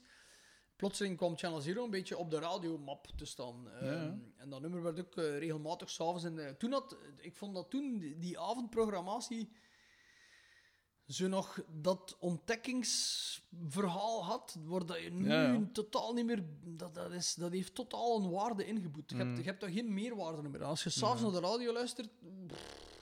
Ja. Ik denk dat er s'avonds ook heel weinig mensen naar de radio luisteren, als ik moet eerlijk zijn. Omdat de meeste zitten ofwel dan toch op YouTube of Facebook, alleen maakt Ja. niet uit. Maar wat ik wil zeggen is dat, wanneer ontdekt je nog muziek? Vroeger was dat echt zo, zo hadden wij nog, hebben wij nog een soort impact eh, gecreëerd, dat herinner ik mij nog goed. En eh, vanuit het verhaal dat wij dan zelf een beetje aan het opbouwen was, dat verkoopsmatig niet zo straf was, Hm. Ehm, eh, zijn we dan toch bij het, eh, bij het Werchter-verhaal aanbeland, terwijl we in het begin zelfs ook niet door hadden dat dat eigenlijk Werchter was. Ja. Wij waren gewoon op zoek. DJ wist ook wel goed genoeg dat hij... Allee, we, we zaten aan het einde van ons Latijn. Ja. In, in, in coverage. En die, die mens had ook zijn, zijn winkel. Die kon, allee, die, die kon voor ons niet... Die belde wel een paar dingen rond. Maar ja, bon, Ja, maar die had ook zijn job te doen. Allee, die had zijn eh, zaak te doen. Hm. En dan zijn wij verhuisd naar eh, Werchter zonder dat we dat eigenlijk door hadden dat dat Werchter was in het begin. Dat was ook zo. Dus wij zijn in contact gekomen ermee. Eh, en de eerste afspraak. En toen weet ik nog heel goed dat ik naar de band dan eigenlijk een beetje het, het ding doorgeduwd heb van kijk gasten, als wij willen groeien, dan, dan, dan moeten wij wel een move maken in die richting. Er is, Tuurlijk. er is geen andere optie. Hm. En dan ja, het, het, het volgende verhaal was natuurlijk Werchter 95, ja, waar dat wij dan eigenlijk eerst op tournee waren. Die, die, die een Amerikaanse band, eh, samen met dat Duitse ding, eh, dat, die in tour was eigenlijk niet heel geslaagd. Allee, wij waren voor het programmaatje maar, maar wij moesten weer een bus betalen en we hadden geen slap. slaapplaats pardon, op de bus. Jesus. En daardoor zijn we dan de maandag teruggekeerd en de woensdag dat telefoontje van... Normaal waren we op tournee. Ja. De woensdag kregen we dan telefoon van eh, Herman, want onze eigenlijke manager zat in eh, New York met Zap Mama toen. Ja, cool. En ehm, ja, dan staan wij dan plotseling de week erachter op Werchter. Ja.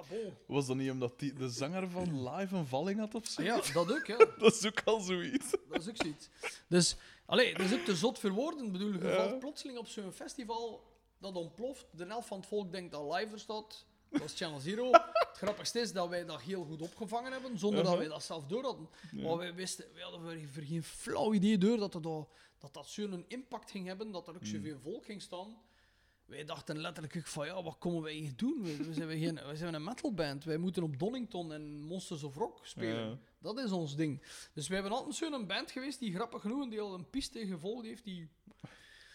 Ja, dat was, dat was eigenlijk vrij bizar. Ehm, maar wel, ja, oké. de, de, uit, de uitkomst van Hans dat verhaal is dat we drie maanden erachter ehm, zaten wij plotseling met een verkoop van 15.000 cd's. Amai. Dus ja, van 3, 400 naar 700 naar 15.000 is een gigantisch verschil. Allee, we hebben dan ook goud gehaald. 25, toen moesten we nog voor gouden plat Ja. 25.000 cd's verkopen. Amai. Ehm, ja, eh, ook weer zo typisch een verhaal. Ja, dat is een beetje de story of my life. ook, Hè. Ik bedoel, eh, planning, I don't know. Timing, misschien wel. Destiny, misschien ook. Ik, ik weet dat niet. Wanneer wel, wanneer niet. Waarom wel, waarom niet.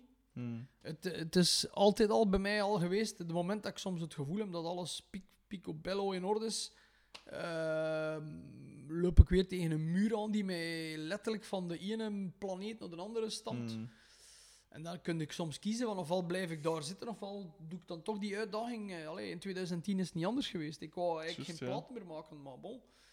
Ik raak vast door die Ella jukkel die ontploft. Eh, Ik zit een maand, ja, ik zit een maand zonder, zonder dat het voorzien was in, in LA. Hm. En eh, ja, de manager had ziet van, ja, zit er nu toch, eh maak, de, maak, doe iets. Ja, ik had iets van, oké, ja, allee, kun ik geen, geen, eh, geen, wat was dat, vijf weken uitgaan. maar ik was wel verplicht om dat te blijven, want ja, die dat ontploft. Ik was bij de laatste van dat verhaal met die vlucht eh, die Hmm. gecanceld werd. Dus ik was ook bij de laatste die ingevuld werd op al die extra zitjes van Ja, al die vluchten. Tuurlijk. Maar dat waren honderdduizend men, honderdduizenden mensen over. Dat waren een pak volk, want die zijn Ja, ook. eh, ik had zoiets van, damn, eh, ja, zeg ze, ja, we kunnen nu binnen drie weken. Ja, ik het eerst een week geduurd voordat ik mm, mij eigenlijk dat ik iemand van de van die airline te pakken gekregen heb. Eh, en dan kreeg je ze te horen, ja, binnen drie weken en een half kunnen wij de eerste keer naar huis vliegen. Ik had zoiets van drie weken en een half.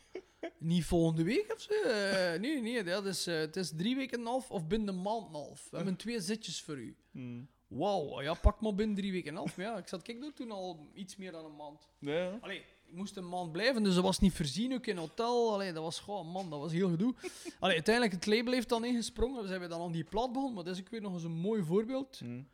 Dat is, dat is het schoonste voorbeeld dat ik kan aanhalen. Dat is al Hans mijn leven zo. Ik Mm. kom altijd in situaties terecht waar ik op een bepaald moment zei van... eh, Hm. ja, ja, nee, ja. Wel, allee, ja, allee, ik blijf erbij. Ik had toen eh, ik, was, ik had een job als eh, sales en marketing bij een PE-bedrijf. Dus Mm. ik, ik, ik, ik had eigenlijk een job eh, die echt een fantastische job was eigenlijk op zich. Maar, maar bon, ja, dat verhaal is daar op duurde met een baas dat ik ja, zitten. Ja, ik moet nu vier maanden congé geven, dan kan je dat niet blijven halen. Als Mhm. single verkoper Nee, op de. Belgische, Luxemburgse markt. Ik snap ik, die logica snap ik ook wel. Dus ja, eh, uiteindelijk kon je die mensen ook geen ongelijk geven. eh, dat, dat, dat, dat, eh, maar ja, dan is het simpel. Ofwel kiest je dan voor de band, ofwel niet. Ja. Dus ja, die bal was weer al aan het rollen. En je- je- Ja, you go, hè. ja, tuurlijk. Dus eh, ja, blijf erbij. Dus eh, Channel Zero eh, ten voeten uit. Allee, bon, ik denk dat ik er wel degelijk een impact in gehad heb in alle zotte toeren die daarmee gebeurd of Mm. misschien nog gaan komen, ik weet het niet. Zeg, en op een, gege- op een gegeven moment zei je dan gesplit. Hoe, hoe kwam dat? Wat was daar de dingen van? Wel, de split was voor ons. ehm, ik denk dat die een band opgebrand was. Ehm, Mm. Er was heel veel discussie tussen eh, Phil en Xavier Ja. over de muzikale pistes die moesten, moesten bewandeld worden. Hm. Ik had zelf, mijn gevoel zat hem vooral in het feit dat ik zat van, kijk, we zijn begonnen underground, ehm, de band is gegroeid, Hmm. je werkt met producers samen, Eh, uiteindelijk hebben we een save gemaakt. Dat was die derde plaat. Dat was de eerste plaat waar ik vond dat de songs echt in een meer ja, eh, commerciële richting eh, Mhm. gekneden songs orientated worden. En dan nog, en dan Mhm. nog. Ehm, maar ik vond dat dat wel iets had. Ik had zoiets van, wauw, dat is een niveau... Dat is geen dat ik bedoel met Metallica heeft die een move ook gemaakt, waar Ja. ze eigenlijk gaan songwriting gaan doen zijn. Ja. En dan kun je... eh, Gisteren met dat bandje had ik ook nu zo van... eh, ik maak dan een paar opmerkingen en je ziet dat die kids nog zo... Ja, maar ja, ga je onze superbreak met ik weet niet veel hits en Hmm. break stuff eh, weghalen? Ik had zoiets van, ja, aan mij zou liggen, zou ik dat wel weghalen. Maar dat hoeft niet voor mij. Stel je, maar die kijken Ja, dan naar u van, ja, maar ja, dat is juist net geen waar we tonen hoe technisch dat we wel zijn. En de vraag is, ja, wilt jij technisch zijn voor je eigen plezier te doen? Tuurlijk. Of ja. wilt je muziek verkopen? Of proberen met je muziek iets te gaan doen? Dus dat is Hmm. heel dubbel, want ze willen met hun muziek iets bereiken en tegelijkertijd willen ze heel willen ze hun identiteit niet verwaarlozen. Dus Hmm. ja, met een safe zaten we op een punt waar wij songs beginnen schrijven zijn door de... De band was ook gegroeid daardoor. Hmm. Eh, was ook gegroeid in die richting. Maar uiteindelijk was het ook zo, het eindresultaat, die, die producer waar ik dat mee gemixt heb, eh, Michael Barbero, dat was, ja, dat was een kerel die heeft een Justice for All gedaan. Die heeft, eh, ja, die heeft eh, Madonna eh, Like a Virgin gemixt. Fuck. Dat was een kerel met een cv, geloof me vrij. Toen we dat binnenkregen, kon ik dat amper geloven. Dat ik zoiets had van, wauw, die kerel heeft gewoon iedereen gemixt. En high-level shit, weet je. Ja, niet, niet, Ja, like soep en de patatten door een keer een, een hit ge- gedaan. Ja, allee, die jongen had, had, had een cv, dat was, dat was indrukwekkend. en, ehm, dus ja, ehm, hoe moet ik het zeggen? Eh, en dat zat, dat zat een beetje in, in een soort dualiteit van... Mhm. Ja, Phil was iemand die wel graag het heavy verhaal bleef ondersteunen. En Xavier eigenlijk ook. Mhm. En ik had zoiets van, ja goed, we hebben nu een save gemaakt. In feite moeten we ons toch niet gaan terug eh, Nee. doen alsof dat we onze eerste plaat niet meer kunnen spelen. Dat, we konden dat ook nog spelen, dat was ook Mhm. het probleem niet. Alleen ja, ondertussen waren we van vier, vijf naar vier gegaan. We hadden dan beslist om geen vijfde gitarist meer bij te nemen, omdat dat, we merkten dat, dat we eigenlijk, moet ik eerlijk zijn, geen even grote zot als wij niet meer vonden. ik denk dat dat toen het, pu- het punt was. Allee, dat was zo. Het Ja. lijkt misschien heel zot, maar het is zo. Eh, Mm. We hebben uh, ene geprobeerd en die, die, die op tournee sliep die als wij wakker waren. En omgekeerd, die, die jongen die, die wist niet wat hem overkwam eigenlijk. Allee, nogthans, een technisch, technisch geen slechte kerel. Ja. Ehm, maar die zag gewoon af. Die zoiets van, my god, wat is dat hier? Ja, wij waren ook een bende losgelaten, absurde Mhm. hekken eigenlijk. En ook dat verhaaltje aan Zero was zo zwaar qua belevenis. Mhm. Ehm, dat wij toch, ja, hoe moet ik dat zeggen? Dat was toch wel, dat was toch wel het een en het ander hoor. Dat was, dat was, ehm, dus ja, allee, uiteindelijk hadden we beslist om met vier verder te gaan. En oké, ja, daardoor had je dan ook die, die, die vier Polen die dan een deel dat verhaal moesten in, in, in een context blijven houden. En ik denk Mhm. met Black Fuel, ja. ehm, eh, Xavier was niet gelukkig met, met, met Phil en Phil was niet gelukkig met, met, met eh, Xavier. En het was, allee, om duur was er zodanig veel stress. Het was ook zo, wij konden moeilijk leven van onze muziek. Mhm. Dus iedereen zag ook wel af. En ik denk samen met al die factoren en met het feit, ja, Xavier vond dat, dat we dan eigenlijk de, te commercieel geworden waren. Mhm.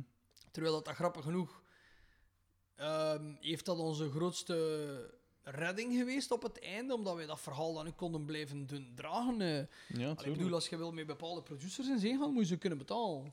Eh, meestal doet je dat niet met eh, de budgetjes die je hebt als je begint in je eh, garagepoort. Allee, Nee. That's not how it works.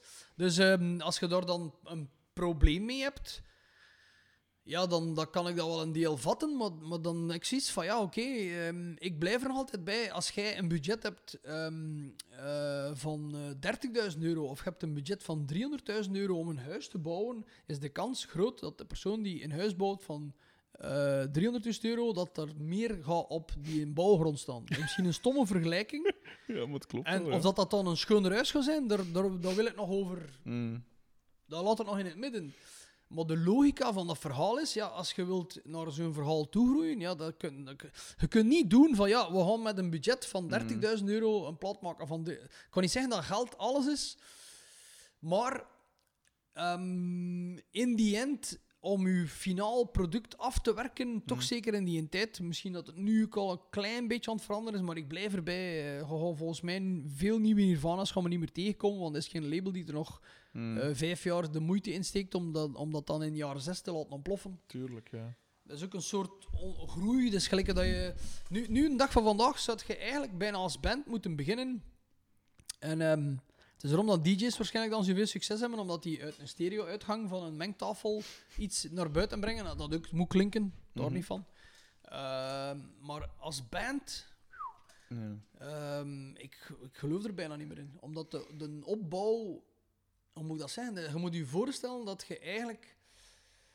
Wat is het er nu een schoon voor? Neem nu Apple, stom Hmm. voorbeeld. Moest Apple nooit kunnen blijven verder werken hebben binnen de ontwikkelingsfase van wat dat ze Ja. allemaal gedaan hebben, dan had die creativiteit van dat product nooit zo hoog gestaan. Nee, ja, dat is juist. Maar dat is met veel andere producten. Kunt dat, als ik naar Orange kijk, eh, ik pff, noem maar op. Eh, niemand bouwt zijn perfecte versterker van dag één Nee. perfect. Tuurlijk niet. Dat bestaat bijna niet. Allee, Nee. Of als dat dan al eens gebeurt, dan is dat een unicum. En Mhm. dat is dan ook alle merits, als dat dan zo is. Maar veel bedrijven groeien, ontwikkelen, worden beter, Ja, ja. gaan op hun bek eh, en worden terug opnieuw door een tegenslag verbeterd. Het is gelijk dat je, dat je zoiets zei, van, Ja. je moet als, als band moet je die fouten maken. Want ja, voilà. Ja, maar nu, de tuurlijk. dag van vandaag, niemand investeert er nog in. Dus de Mhm. meesten blijven dan in hun verhaal thuis plakken. Hmm. Eh, of de mama en de papa kunnen misschien nog wel wat ge- geld in steken. Maar boel, het, het is ook zo, er zijn, een label had vroeger ook nog een soort functie waar dat die soms uw muziek beoordeelden. En Mhm. al, al word je daar niet altijd mee akkoord, kreeg ik blijf erbij. Ik denk dat wij ook, een mooi voorbeeld met Channel, hebben wij ook singles uitgebracht die voor geen meter, die, die, die keek nu nadien zoiets hebben van ja, eigenlijk is dat logisch dat er niets mee gebeurd is. Dat was ook Ja, totaal niet de juiste keuze. Hmm. Terwijl dat van het label uit dan soms zei van ja, pak dat nummer, pak dat nummer. Ja. Allee, het is het eeuwige verhaal ook, hè. het B-kantje dat plotseling een wereldhit wordt. Ja, juist. Een band maakt soms nummers die ze "Oeh, ja, we vinden het niet goed, maar het is ons niet en het is precies ons niet. Ja, Ja. en dan is er meestal zo ene people die zeggen van ja man, maar dat is wel fucking hooky as hell. Het is precies, Help is ook een mooi voorbeeld van. Ja. Dat, num- dat nummer ging helemaal niet op die plaats staan, eh, want het was geen metal en het was niet heavy genoeg. En daar heb ik dan een deel voor gevochten, maar ik zie dat van, hé, waarom moeten wij ons er nu voor schamen? Dat was, Help was bijna onze B-side. Sorry. Ja, ja. En dan ziet je wat dat nummer gedaan heeft. Dus mm, ik blijf erbij. Als jonge bands nu, een dag van vandaag, van wauw. Als je moet opboksen tegen die een internetstrijd, ja, ja. mijn euren, dat is eh, geen, geen cadeau. Dat is geen cadeau. Nee, nee, ik blijf erbij. Eh, Als je, toch als je... Allee, die jongens die ik gisteren nu gezien heb, hebben een even grote droom, hè. ja They tuurlijk. want to conquer the world, weet je? Dat hadden wij. 20 jaar geleden ook. Wij wilden, woe, Hmm. we want to make it. Hoe dat we het juist gaan doen, weten we nog niet. Maar we just want to do it. Dus ja, allee. Dus ze vallen en opstaan, Mhm. verbeteren. En, en ik, denk in, ik denk dat wij op een bepaald moment in, ehm, in ja, al, pff, 97 eh, hebben we dan die een tour nog gedaan. Met de bodycount. Dat was grappig genoeg, die, van de, de strafste tour die we ooit gedaan hebben. Het zal wel. En, ehm en ook qua succes eigenlijk. En toch verkochten we geen cd's. Hè. Ja, Mm. bon, er zaten ook andere dingen onder de, het verhaal waar dat het label dan te lang gewacht heeft om ons op die affiche te zetten. Hmm. Ehm, ja, uiteindelijk wist geen hond dat wij mee waren op die tournee. Maar ja, uiteindelijk kostte die een tourbus, dat heeft ons toen 3 miljoen Belgische franken gekost. Alleen, dat is weer nog eens een som die bij die opnames komt, die bij die videoclip. Tuurlijk, komt. ja. En daar betaalt je eigenlijk altijd in eerste instantie je verhaal mee af. Het label verdient er wel redelijk wat aan. Hmm. Want zij hadden toen 90% op die omzet. En wij moesten onze investeringen met, ja, met 8,5%, wat is het, of 10%. eh Hmm. Geloof me vrij, eh, als jij geen... Allee, in die tijd was het simpel. Als jij boven de 300.000 platen geraakte, dan begon, er, begon iedereen er iets aan te verdienen. Alles, 300.000 eronder, alles eronder. Ik denk dat Case Choice heeft dat meegemaakt. Ja. Het is vandaar dat de baas van, eh, van het label van Case Choice eh, dat in zijn wijnhart in Italië gezet heeft. Zo, ja, maar ja, allee, Tuurlijk, ja. eh, Tuurlijk. bon, iemand, eh, uiteindelijk zijn platenfirma's eigenlijk een soort banken geweest die die aan een absurde eh, leningsrate eh, Hmm. eh, toch wel een keer is dat die platen eh, beginnen te verkopen. Dat is, nu, dat is nu het grote probleem op dit moment. Er worden geen platen meer verkocht, omdat Hmm. niemand nog de moeite doet om nog tien nummers te kopen, waar dat er misschien vijf niet goed gaan van zijn. Hmm. Dus wat doen ze? Het singeltje kopen. Ja. Ehm, ja, allee, bon. Eh, maar goed, je kunt erover discussiëren zoveel als je wilt. Uiteindelijk is dat een industrie die stervende is. Ehm, Hmm. En ik denk dat er daardoor op termijn een grotere eenheidsworst komt. Ja.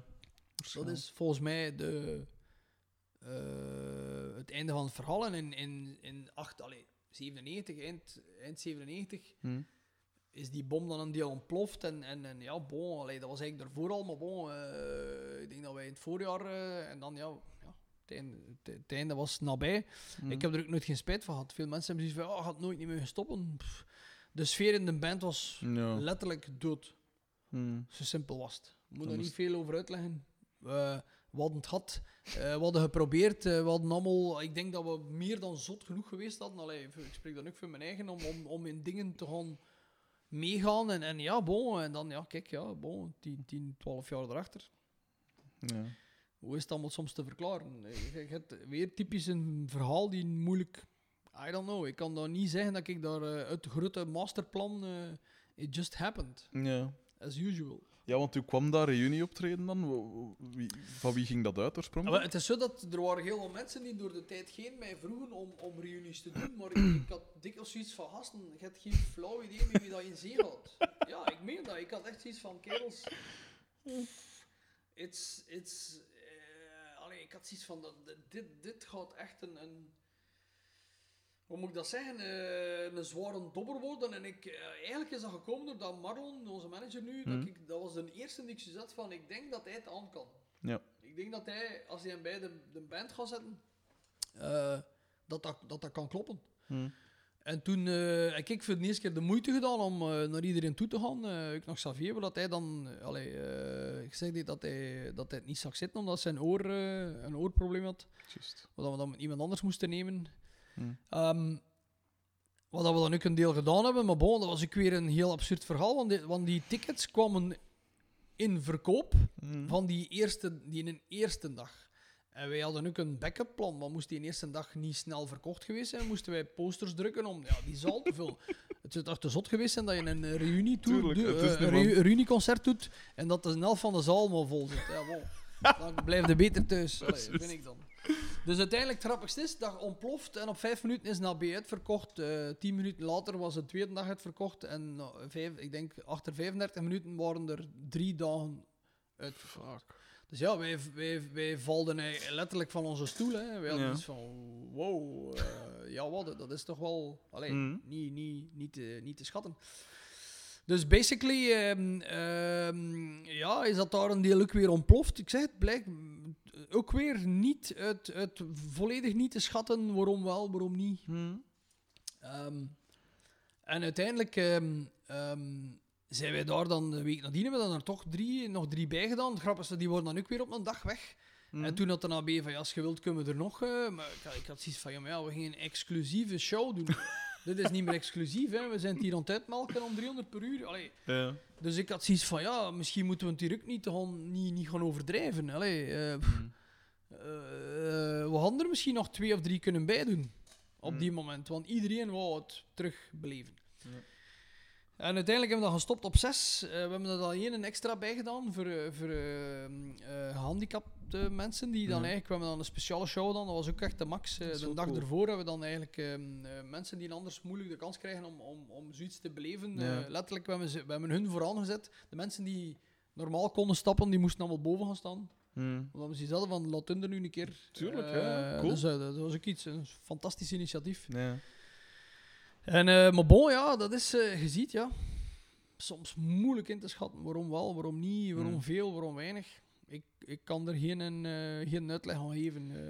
Maar op dat moment dat je dan zo, dus met die zes optredens, ik weet nog dat er toen, dat je dan toen, ja, ik luisterde toen nog naar de radio en toen waren dan in één keer overal ook. Had daar zelf niet zo wel een dubbel gevoel bij? Want tien jaar ervoor, ja, in, in het of in de scene waren je al Ja. groot, maar op de radio zelf kreeg je Nee, dan nee. weinig aandacht. En plots waren ze daar. Wat, wat was uw gedachte? Ja, bon, eh, je, wordt ook een deel opgeslopt in die vibe. Hè. Hm. Wat, wat, wat moet je daarmee doen? Ik, ik denk dat je een deel moet proberen je eigenheid bewaren en tegelijkertijd, je zit ook vijf, we waren eigenlijk een soort 15 jaar verder. Mm. Momentum, de wereld, mediamatig is ik weet niet zwaar veranderd. Plotseling is internet een ja. medium dat eh, in, in de moment dat wij ons hoofdverhaal... Ik weet nog goed, toen wij gestopt zijn, hadden wij een, een, een, een IT... allee, of een, een, een IT-telefoonspecialist die in het buitenland eh, telefooncentrales opstartte, die had ons in de tijd onze eerste website gemaakt.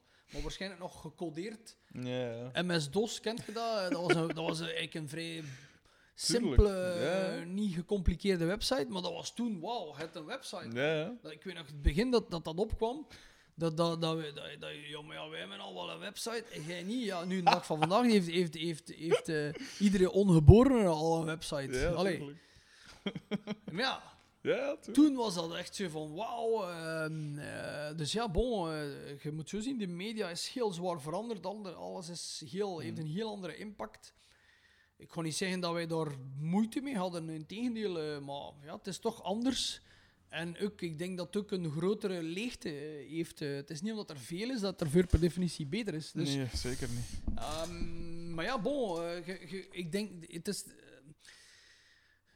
ik, ik ben er nooit tegen geweest, want ik ben ook de eerste die zei van je moet je cd's niet, niet, niet beveiligen omdat, eh, omdat je ze dan niet kunt kopiëren. Ik, ik, ik geloof er niet in. eh. Mm. Uiteindelijk zoekt het altijd wel een andere manier. Het is gelijk water. Eh, Je, mu- je Tuurlijk. moet- als water in te veel massa voorbij komt, kun je dat dammen en kun je dat proberen iets van doen. De kans is groot dat naast het punt waar dat iedereen Tuurlijk. dacht dat het allemaal ging gebeuren, loopt het weer eh, over. Mm. Met internet is dat eigenlijk net hetzelfde. De moment dat ze allemaal stop, stop, het kan niet roept, eh, dan is er wel weer op een of andere manier een creatieve eh, ziel die Ja. plotseling het, eh, het, het, het licht ont, ont- uitvindt. Dus Ja. ik, ik heb nog geen problemen gehad. Ik, ik heb daar gewoon in meegegaan en ik, ja, ik probeer, ik denk dat ik Facebook ook redelijk goed beheer. Maar bon, dat is ook omdat ik misschien eh, eh, computermatig ben ik, dat is een beetje een halve passie geweest. Ik ben eigenlijk met die Apple Mm. iMac toestandjes bost, die Ja. bolletjes. Ja, ja. En, en ja, nu, ik, allee, ik bedoel, als je internet wilt begrijpen, kun je dat ook eigenlijk wel wat begrijpen. Je kunt dat wel een deel gewoon op, dingen opzoeken en vatten. Mm. Wanneer werkt Facebook het best? Wanneer heb je daar impact van? Wanneer niet? Tuurlijk. Ik hou daar letterlijk rekening mee. Als ik zoiets, soms, eh, vooral in het verhaal van Channel Zero, kan, durf ik wel zeggen dat ik wel weet wanneer wat meest effect heeft of niet. Ja. Ook omdat ik het opgezocht heb. Niet Ja. omdat ik het toevallig haal. Het is nu de juiste moment. Nee, eh, zelfs de manier hoe dat je post is super belangrijk. Maar bon, eh, Ja. Als je wilt hoe dat. Eigenlijk is dat grappig genoeg. Dat is een menselijk gedrag dat zich eh, afspeelt op het internet. Ja, ja. Dat is een reflectie van wat, hoe de mens reageert met die dingen. Veel mensen staan er niet bij stil dan ze.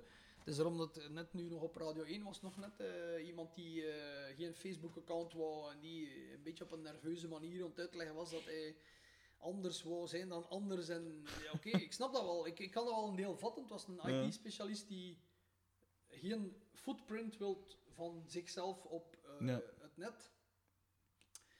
En ik kan dat wel een deel vatten, maar als je dat in een mediaverhaal doet, gelijk als dat je een beetje bekend bent, ja, dan Mm. is dat toch nog een heel ander verhaal hoor. Zo. vrij, je moet eh, soms ook veel water bij de wijn kunnen doen. Maar ja. Wel. Ik heb daar op zich geen probleem mee, want ik ben iemand die eh, altijd eh, naar de toekomst kijkt. Ja. Eigenlijk, ik probeer de geschiedenis zeker niet eh, te verloochenen, maar ik ben wel iemand die liefst altijd... Dus vandaar trouwens dat dat derde oog hier staat. Ja. dat I'm always looking. Dat is daarom dat de chef dat erop Cool. gezet heeft. Je zei, altijd bezig met de toekomst. Ja. En dat zal waarschijnlijk zo blijven tot als ik in mijn graf kruip. Dus ja, bon.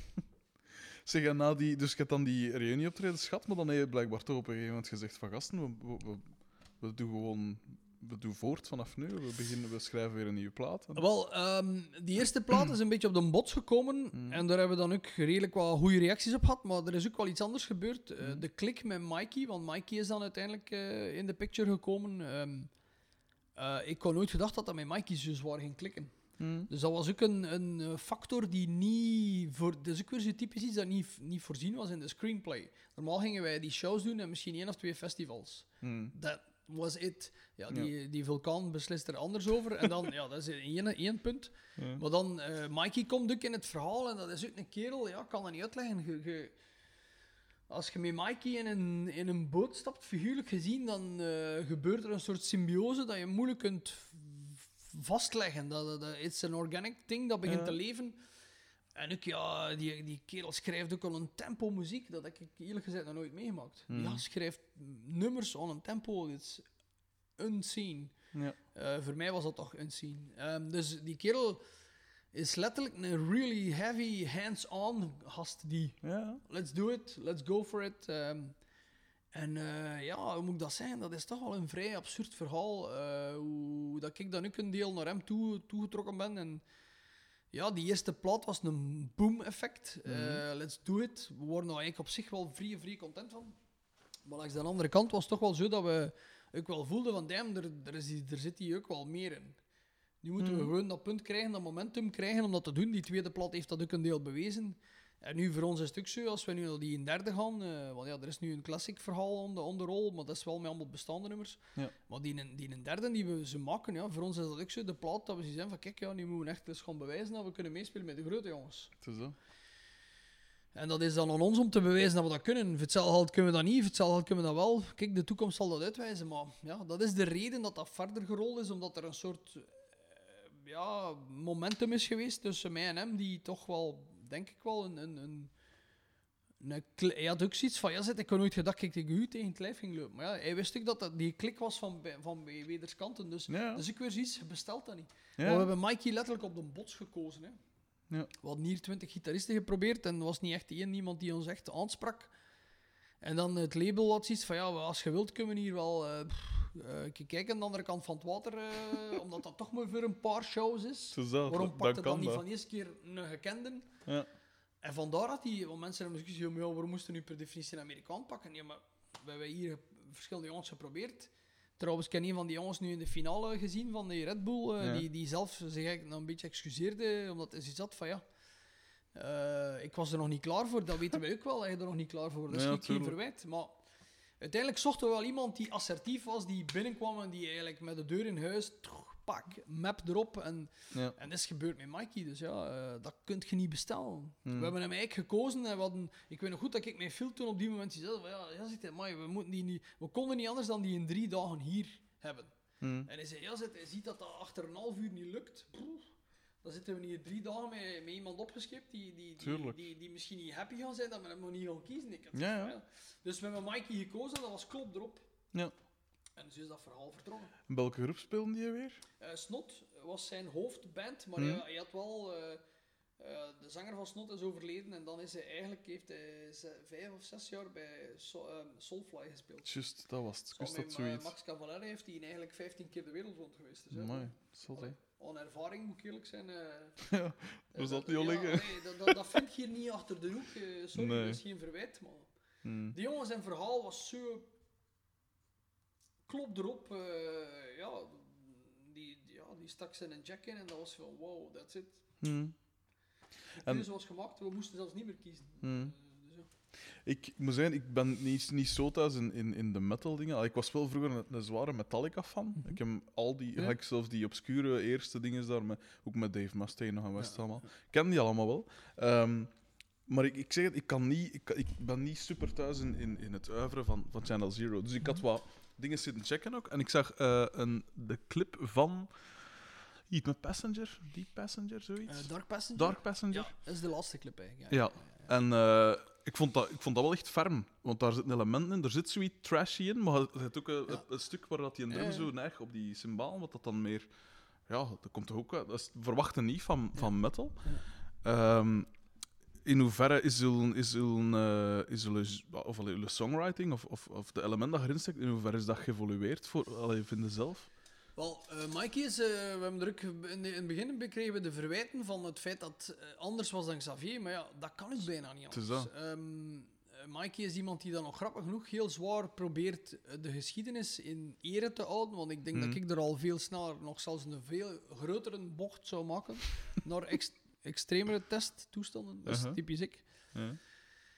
Uh, maar uiteindelijk is die songwriting zit nu een deel in dat Mikey-verhaal. ehm, en hij heeft natuurlijk ook een Amerikaanse vibe. Hij zit, Mm. hij zit met een heel... eh, het enige dat veel mensen onderschatten is dat Mikey ook heel veel vers- verschillende soorten bands doet. Want hij is ook producer. Dus hij Ja. doet heel veel type bands. Amerikaanse bands. Dus En hij droeg een t-shirt in die clip van Rich Kids on LSD, zeg ik. Ja, dat ook, dat ja. ook totaal anders ja, ja, maar ja, bon, hij heeft ook een hele zware heeft een hele zware eh, background van... eh, Mikey komt uit de punkrock, Ja. maar de American punkrock. Ja, Dus niet de Engelse. Dus eh, ik spreek want niet over de. LSD is echt al- dat is ja, echt wel. Allee, dat is zijn roots, eh, moet je niet Mm. vergeten. Die, die komt echt letterlijk uit het Los Angeles, Santa Barbara. Cool. zijn, zijn hometown is de plaats waar dat Kaius vandaan is. Dus ja. ehm, Palm Springs is. Ik ken de gasten van Kaius, maar dan als gasten van op de straat. Dat, waren, dat, waren, dat was een andere band die in een ander gebouw zat te repeteren. Ja, ja.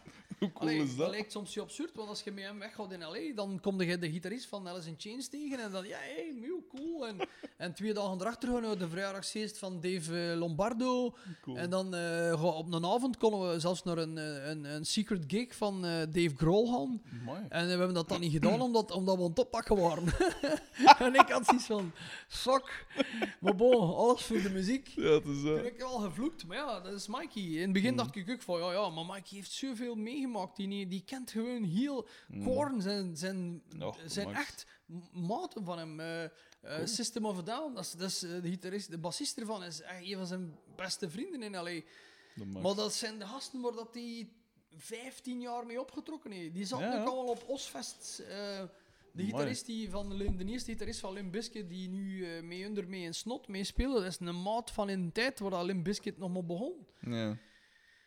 De max. Ja, allee, dus die kerel heeft een geschiedenis Mm. mm, in zijn rugzak zitten. Dat is in het begin alweer, dat zelfs niet door. Dat, dat, dat, dat in het begin dat ik ook van, ja, ja, ja, ik heb al bij ons niet thuis gezeten als onze zanger overleden is. En, maar die, die, die, die, ja, dat is, voor hem is dat ook allemaal doodnormaal, want dat is his life.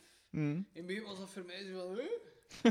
ja, we gaan naar, de, we gaan naar een DJ-set van de zanger van Korn. Nou ja, dat gaan we eerst een goede dag gaan zijn.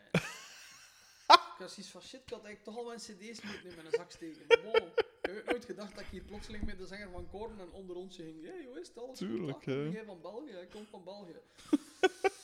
ja, eh, dat is Mikey. Dat is Mhm. Mikey. Dus eigenlijk hadden wij dat in het begin niet door. Toen die jongen niet toegekomen is, eh, was voor mij Snot een totaal onbekende band. Mm. Ik had bijna zoiets van, eh, had in mijn cultuureffect. Ik had zoiets van, Ja. nee, moet ik je dat niet ken. Want die Hm. plaat van Snot is waanzinnig goed. Mm. Dat is, eigenlijk moest die jongen niet overleden geweest zijn, was dat voor mij een Suicidal Tendencies geweest. Mooi, ja. Ehm, en trouwens hebben we nu onlangs gespeeld. eh, veel mensen kwamen in zeggen van, my god, dat was goed, jong. ja, dat is fantastisch goed. Het kan moeilijk zijn dat dat slecht is. Allee, eh, gaat er eens naar kijken. Doe dus de Hmm. moeite om, je- om je ass te moven, omdat dat is eigenlijk een vrij onbekende band in Europa. Maar bon, Mm. als je dat ziet op dat podium, man. Ja. Halleluja, man. Jezus, ja, dat is echt wel gek. Allee. Ja.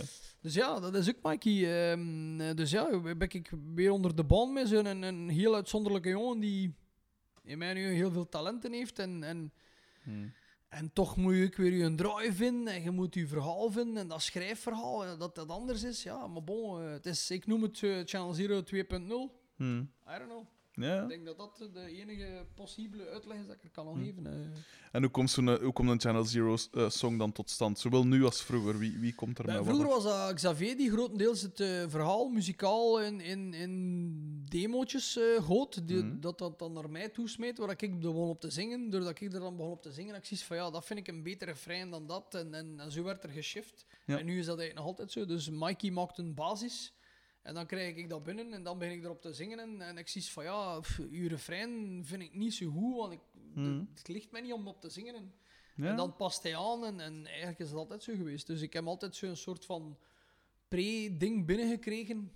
Ja. Ik ben er dan beginnen, en doordat ik het dan eigenlijk ben op te zingen, ge- bepaal ik ook een deel hoe dat de structuur van de nummers en waarschijnlijk een deel zich Ja, ja. bevindt. Het is een onderling overleg, maar ja, bon, dat is, de ene keer gaat dat al ook, zijn we al akkoord, de andere keer niet, maar ja, dat is schrijven. Hè. Je, kunt niet, je kunt geen muziek maken, of anders moet je het allemaal zelf doen. Dan moet je alleen maar met je eigen overeenkomen, dat is natuurlijk het gemakkelijkst. En dan nog. Ja, is dat. Maar in, in zo'n verhaal eh, is dat altijd een opbouw. eh, de drums komen erbij. eh, ja, dat is, dat is toch wel een, een Hans proces. Dat je niet zomaar even onder je alleen in je, Hmm. in je living. hop, hop, hop, en je kunt dat allemaal wel uitwerken, maar de vuur staat er nog niet meer voor een groot publiek. En Ja, nee, tuurlijk. geven die ook nog niet de zegen van it's all good. het zit iets gecompliceerder in elkaar, denk ik. Dus. Ja, het zal Maar wel. bon, ja, allee. That's what it is. Dat, dat, dat is altijd al zo geweest. Dus bij Channel is dat nu nog altijd zo. Alleen, ja, Mikey heeft een andere invloed. Hij Hmm. houdt rekening met het metal-verhaal van vroeger. Mm. En ik probeer hem er dan ook een deel uit te trekken. Een deel van, dat is mijn job. Allee, ik blijf Tuurlijk. erbij. Ik ben degene die altijd zal proberen om eh, een ander verhaal misschien ook een kans te geven. Terwijl dat je, ja, als je alleen maar eh, binnen je veilige randjes kleurt, Hm. ik vind dat ook weinig boeiend. Vandaar dat ik ook iemand ben die gemakkelijk naar een Tomorrowland kan gaan. eh, en die je vibe soms ook snappen. omdat voor mij gaat het om muziek. Het gaat hem over een impact. Hm. Voelt je het of voelt je het niet? It's, it's great or it's not. Als ik nu naar al die nieuwe groepjes van die Red Bull-wedstrijd zit te kijken, Hm. dan kan ik daar ook al snel een beeld van maken. Van ja, hier hebben ze dit is muziek gemaakt door een muzikant en niet door een zanger. Ja. Die zangeres zingt achter de band Ja, omdat je voelt van ja, oké, maar dat is, soms kan dat ook bewuste keuze zijn. Maar dan heb ik zoiets van ja, geen probleem. Als je daarvoor kiest, dan moet je ook wel snappen dat je misschien niet op Werchter gaat geraken. Hm. Dat is, not, dat is geen verwijt, hè. Dus Ja. ik zeg niet als iemand zegt van ja, maar nee, het is niet de bedoeling, we willen sh- huiskamershows doen. Great. Hm. Why not? Eh, maar allee, de vraag is altijd, wat wilt je er mee bereiken? Dat is geen dat ik gisteren tegen die gasten gezegd heb, van waar, waar wilt je naartoe met dit? Hm. Wilt je hier in de streek blijven spelen en happy zijn? I don't know. Mhm. Allee, eh, ja, ja, want ik, ik, ik had zoiets van, ja, hoe lang bestaan? Ja, maar nee, nee, ja. Ik had zoiets, hoeveel shows heb je dan gedaan? Ah, wij 80. Ik had zoiets van 80, wauw. Ah, maar ja, maar nu zijn we wel met de juiste line-up eigenlijk... Ah ja, ik, had- dus ik had zoiets van, kijk, dus wat wil dat zijn? Zelfs al heb je al allemaal samen 80 shows gedaan, wat op zich veel is. Ja, zeker uw eerste, tegenwoordig. uw eerste rewards begint je nu plotseling met dat ene bandje te krijgen, waar dat het geheel plotseling de meerwaarde wordt. En Ja, niet ja. het feit dat iedereen veel gedaan heeft. Tuurlijk. Dus ja, eh, wat ik ook probeer te doen is meestal vrij eerlijk te zijn in mijn, in mijn feedback. Van kijk, ja, dit is wat dat je hebt. Ik heb altijd iets van als je graag een fles cola op tafel hebt en, eh, en ze is niet gevuld, ja, dan kun je dat wel hopen dat die gevuld is. Maar als dat niet zo is, moet je er ook durven naar kijken en zeggen van ja, ze is nog niet gevuld. Tuurlijk. Zijn we er al? Daarom dat ik gisteren ook met die songwriting. Ehm, ik had voor hun een edit gemaakt en ja, dat was heiligschennis, ik wist dat wel. Maar bon, ik kan me dat ook een deel permitteren. Ja, tuurlijk. Ik had hun er nummer van eh hun YouTube eh, videoclip eh, gedownload en er zelf wel wat beginnen mee spelen. en gezegd van kijk, dit is veel efficiënter als je het eigenlijk meer. eh, want ze spelen ook op Groesrock, dus ik had zoiets van Oh, ja, cool. bon, allee, het is hun eerste grote kans. Ik had zoiets van, dus ik heb je dat niet afgegeven, maar ik merk dat wel, ja, maar ja, niet al ons complexe breaks. Ja, voor mij geen probleem. Hè. Ik, ik, zei, ik heb toen er letterlijk gezegd, zeg, ik ga nog niet beter van slapen of slechter van slapen. I don't care eigenlijk. Wat dan jullie er willen mee doen. Ik kan nu alleen maar input geven. Hm. En ofwel doe je er iets mee, ofwel niet. Want is ook wel, zijn wel, in mijn ogen wel redelijk getalenteerd. Ja. Maar ja, bon. eh, ik, ik, ik zie dat nogal gebeuren dat die op termijn gaan zeggen: ja, wat dan misschien toch moeten veranderen. Ja, bon, ja, trek er je plan mee. It's not up to me. Heb je dan nooit, als je dus tijdens het schrijven van een song, heb je dan al gehad dat je dacht van, dit is wel, dit vind ik persoonlijk super cool, maar dat gaat niet aanslaan of niet werken? Of, en in hoeverre is dat dan een... Goh, dat heb je dikwijls, hè. hè. Ehm, je daar dan ook rekening mee? Of zeg je, kom jong, dat is, dat is iets cool, we houden dat. hè. En, en, Goh, ik Fuck het blijf publiek, erbij. bij Voor mij is er altijd zo dat momentum als je iets maakt, waar dat je... eh, hoe moet dat zijn? Ehm, als je iets maakt, vind ik dat je moet ook een deel kunnen je eigen verplaatsen als luisteraar. hm, Als fan bijna. ja. En daar denk dat ik er al wel een klein beetje dat ik dat ga kunnen. Ik kan echt letterlijk mijn eigen muziek opzetten en zeggen van, doen we dat niet? Krijg je er nu kiekbeest van? Of vind ik dat een, die een break de max? Of vind ik dat boring? Of, ja. ik vind dat je dat moet. Je moet dat echt kunnen, of je moet dat toch proberen. Dat is echt een absolute must. Je moet Mhm. letterlijk dat verhaal op die manier kunnen bekijken, want eh, het kiekenbish-moment van een muzikant ligt soms totaal anders dan eh, datgene dan iemand die er staat te kijken. Dat is geen dat ik eh, gisteren ook, ik was nu content dat ik gisteren bij hun zat, omdat ik zag dat die, product, die zanger is eigenlijk een- geen slechte producer op zich. Want Ja. die doet hun dingen waanzinnig goed klinken. En Hm. toen had ik zoiets van, wow, nu snap ik het waarom dat ik het in het repetitiekont nog niet vat. Je doet je een drummer waanzinnig moeilijke dingen spelen. hm, Die jongen heeft maar twee armen en twee benen en die, ja, die heeft een logica. Je hebt Hmm. een logica aan een drummer. En dat kun je met een machine eigenlijk doorbreken. Ja. Dus als je dat dan de max vindt, klinkt dat de max. Alleen de logica dat die een drummer dat ook zo wow, kan spelen, ja, dan moet je bijna aan die mens vragen om ja, ja, een machine te worden. tuurlijk, ja. En, eh, want ik ken die drummer ook zwaar verdedigd, want die deed dat fantastisch goed. Maar ik had zoiets van, nu snap ik het, waarom dat ik het in het repetitielokaal bij bepaalde momenten nog niet goed vind, omdat eh, wat dat je aan die jongen vraagt is heel moeilijk. Mm. technisch gezien. Ja. Want dat kon, dat, die uitleg kan ik dan ook weer weer geven, dat ik Hans dat studio, dat ik al zoveel in studio gezeten heb. Ja. En veel dingen gezien heb die misgingen of moeilijk gingen, of waarom klopt het niet, of waarom krijg je het niet goed. Ja. En ja, dat is dan eh, ervaring eigenlijk. Hè. Ja, dus, Zo'n dingen haalt je er bijna meestal direct uit. Mm. Ja, bon, eh, die gasten, allee, daarvoor zit ik er ook een deel als coach, bij wijze van Ja. spreken. Maar bon, het zijn zo wel dingen die toch wel niet, niet onbelangrijk zijn. Want blijf erbij, de dag van vandaag wordt er veel gemaakt op computer. En dat is op zich wel de max. Mm. Alleen in hoeverre kun je dat nog repliceren? ja, dan kun je het live brengen, zo gezegd. Dus eh, Ja. vooral als je dat dan met een band moet gaan verdedigen. Dat is de moeilijkheid ervan. Mm. Eh.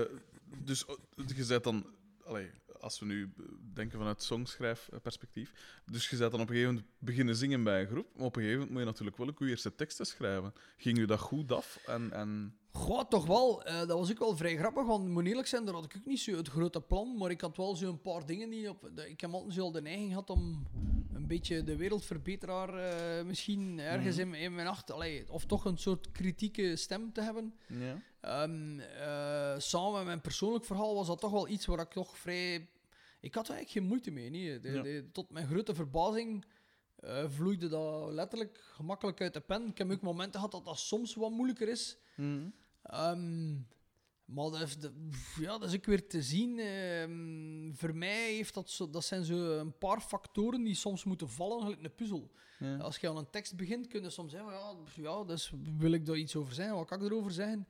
Ehm, het is ook een groot verschil tussen persoonlijk gaan en niet persoonlijk gaan. Maar soms zijn er wel dingen, ja, Black Fuel is een voorbeeld. Allee, bon, eh, Dave Peters heeft al gezegd van dat dat komt doordat ik mijn, mijn mispakt heb van de benzinetank. Eh, dat ik eh, benzine met een diesel eh, gekapt heb. Ik heb dat één keer tegengekomen, maar dat is niet, dat is niet de reden dat ik Black Fuel geschreven heb. Maar bon. Ja. Allee, Black Fuel is letterlijk een aanklacht op, op, het, op onze oliemaatschappij. Mhm. En gans de implicatie dat dat meebrengt. En Ja. de dag van vandaag is het nog altijd niet anders. Als je ziet, waarom maken ze in eh, Oekraïne eh, miserie over? Mhm. Het gaat hem over gas en olie. Tuurlijk. Dat in die end, tuurlijk. eh, dan ze dan vliegers verneerschieten, eh Juist. wordt bijna bijzaak. Mhm. Allee, de momentum is altijd waanzinnig erg en woe, woe, woe. Maar Mhm. het zal je maar overkomen dat uw, uw vader of uw moeder of uw dochter op dat, op dat vliegtuig zat. Tuurlijk. Ja, tuurlijk.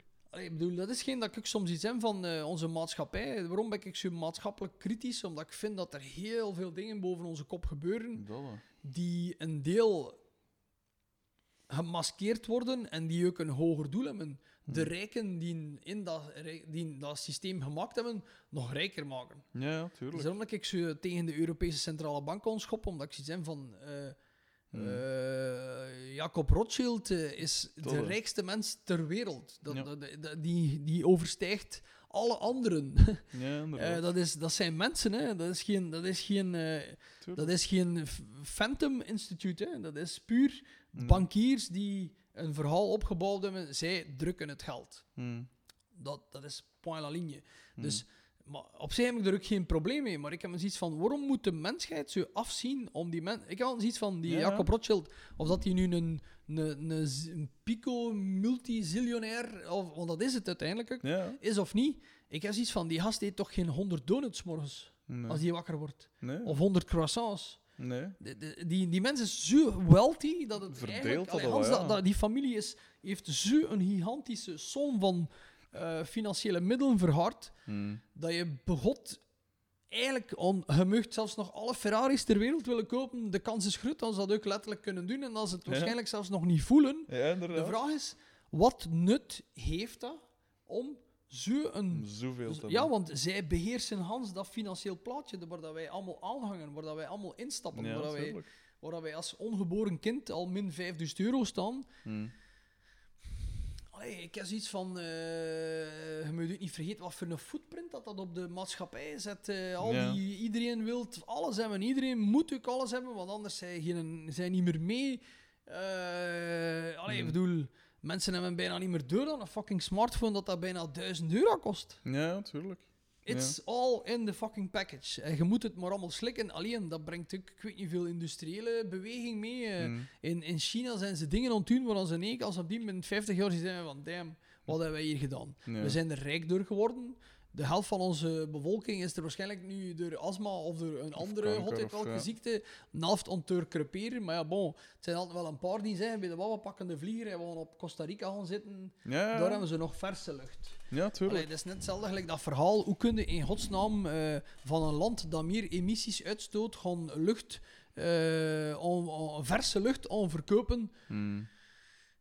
Ja, Oh is... man, er zijn zoveel van die maatregelen dat ik zie zijn van, allee man, wie bedenkt er dat eigenlijk Mm. allemaal? En dan als je het een keer verder gaat zoeken, Ja, kom je zeker. heel dikwijls op het punt uit bij die mensen die daar allemaal in dat topverhaaltje zitten. Ja, zeker. Die, wat is het, 20, 30 families, die eh, de olie-industrie in handen hebben en die Ja, gasindustrie in handen hebben. En ja, en ik heb zoiets van uiteindelijk gaan ze, gaan ze misschien ook allemaal op de helft eraan sterven eh, aan- Mm. aan kanker. Ja. Het is zo, het is Ja, zo allee. cynisch geworden allemaal. Ja, eh, het- mijn vraag is altijd van... Is het echt nodig om iedereen zo op stank te jagen voor een financieel verhaal? Want Hmm. ik merk dat ook, hè. er zijn veel mensen die afzien. Hè. Ik, ik moet eerlijk zijn, wij hebben ook allemaal niet zo super breed in de zin van wow, wow, everything's possible. Ja. Eh, maar er zijn veel mensen die letterlijk... allee, ik bedoel, het is zo funny, er wordt aandacht besteed aan het feit dat er veel mensen zelfmoord plegen, maar Er wordt niks aan er wordt gedaan. niks aan gedaan in Nee. het feit van hoe komt het dan ze zelfmoord plegen. Ja, zeker. Versta je? Ja, Je zeker. kunt wel naar een lijn bellen. Bel naar ons. Ja. Eh, Ja. Je kunt vijf minuten met mij praten, maar dat gaat je financiële last niet eh, veroorzaken. Of je hebt, eh, je hebt je in zodanige nesten verwikkeld Mm. waar je dacht dat je er ging komen. En Ja. je moest mee, want je moest een job hebben. En je, je- the rat race is going on. Bel naar de hulplijn. Maar die hulplijn stort geen 5000 euro op je rekening als jij met je familie onder nul zit. Nee, het is dat. En, Integendeel, ze gaan u zelfs nog een stempel geven. Ja, maar ja, jij stond nu wel onder nul, hè. Jij Ja. bent een, jij bent een slechte mens. Jij hebt dat allemaal slecht gedaan. En je moet, allee, je moet je voorstellen, je kunt ook soms pech hebben. Je kunt, Hmm. er kunnen dingen gebeuren in je leven dat je voor geen meter beheerst. eh, Nee. die dan, als dat dan positief uitdraait, amazing. Maar er zijn er ook veel die tegen de muur aanlopen en die dan op een bepaald moment zeggen van wauw, ik heb geen oplossing meer. Hmm. Ja, maar ja, en dan, eh, en dan maar kneuten dat er dan weer een onder een trein gesmeten is. Ja, bon. Ik heb iets van... eh, eh, moesten ze eigenlijk bij het drukken van dat geldverhaal daar de spanning van die een drukketel verminderen, Hmm. is de kans groot dat er ergens een leefbaarder verhaal onderaan begint. Maar Tuurlijk. nu zit dat zodanig tegen die plafond aangeduwd en ik blijf erbij, dat is net gelijk met muziek. Met harde muziek is dat ook. Er komt een punt waar je met je heaviness onder een plafond zit Ja. en dan kun je afvragen, kunnen we het nog harder doen? Hmm. Bij, als je nu white noise gebruikt, gaat het misschien harder klinken. Of dat muziek gaat zijn, dat is een ander verhaal. Je weet? Ja, wij- In het leven is dat ook een deel zo. Dus vandaar dat ik toch een deel Hmm. maatschappij kritisch blijf, omdat ik altijd al gevonden heb van the rat race is going on. Hmm. En het enige dat je kunt doen, is proberen meelopen. ja. Kun jij niet meer meelopen? Sorry, geval van de wagon. En dan is het echt, trekt je plan, hè. Hmm. Just make it happen. Ja, wat je dus subiet ook al zei, van, Ja. eh, dat, er zoveel, dat het tegenwoordig allemaal zo complex geworden is. Als je nu geboren wordt, dan weten van, je, je gaat ooit een lening moeten pakken, want anders Ja. kun je geen huis kopen. Je moet voor alles verzekerd zijn, dat moet je ook allemaal betalen. Eh, je Je kunt hebt op geen je- opties, hè. Nee, het zijn alleen verplichtingen. Alles ligt vast. Ja, Ja. ja, ja. En alles staat zogezegd in functie, of we leven in functie van de economie, terwijl eigenlijk de economie in functie van, van ons leven zou moeten staan. Dat vind ik ook. Dus, maar dat is geen dat ik wil zeggen. Hmm. Als van bovenuit die druk niet verminderd wordt. Ja. Want de mensen hebben gezegd, ja, ja, wat wil het dan doen? eh, het geldsysteem over, overhoop halen. Nee, daar gaat het hem niet om. Het gaat hem niet over het feit dat je... Ik blijf er altijd bij, als je morgen een revolutie zijn en alles wordt omvergesmeten, gaat er wel weer een andere zijn die zijn systeem gaat Ja, ontwikkelen. natuurlijk. Eh, alleen, het, het, het ding is, eh, ik blijf erbij, allee, eh, eh, waarom hebben ze Kennedy vermoord? Hmm. Omdat hij de- eigenlijk in Amerika, want het Central European Bank heeft ook zijn Amerikaans verhaal. Ze hebben de vijf zonen vanuit Duitsland naar Amerika gestuurd om dat juist te doen. Ja. Dat is de Federal Reserve. Ja, ja. En die had zoiets van, ja zitten, ik snap dat niet. Wij lenen 100 miljoen dollar en we moeten er 250 miljoen dollar terugbetalen. Aan wie? Banken zijn Aan wie zoiets, moet... ja. Nee, nee, dat is, de, dat is degene die zo gezegd het geld drukken. ja, tuurlijk. Dan kun je je afvragen, ja, maar die 150 miljoen extra Ja. erbovenop, voor wie is dat? En wat is voor die families? Ja. ja, het is zot. Het is... Die had zoiets van, ja, want blijkt dat ehm ehm Kennedy wel een waanzinnig slimme econoom was. Dat was geen dommerik. Nee. De kerel die had economie gestudeerd en dat was eh, blijkbaar iemand die toch redelijk goed wist hoe dat. En die had zoiets van, uit principiële overweging, ik zie, had hij zoiets van, hij zegt, hij, wij moeten aan ons, als Amerikaanse staat, een biljet door een instantie laten drukken. Mm. En dan moeten we een pak geld betalen omdat we dat mogen gebruiken. Nee. Met datgene wat eigenlijk van ons is. Nee. ja, en, dat, en dat is geen ik bedoel, dat is die...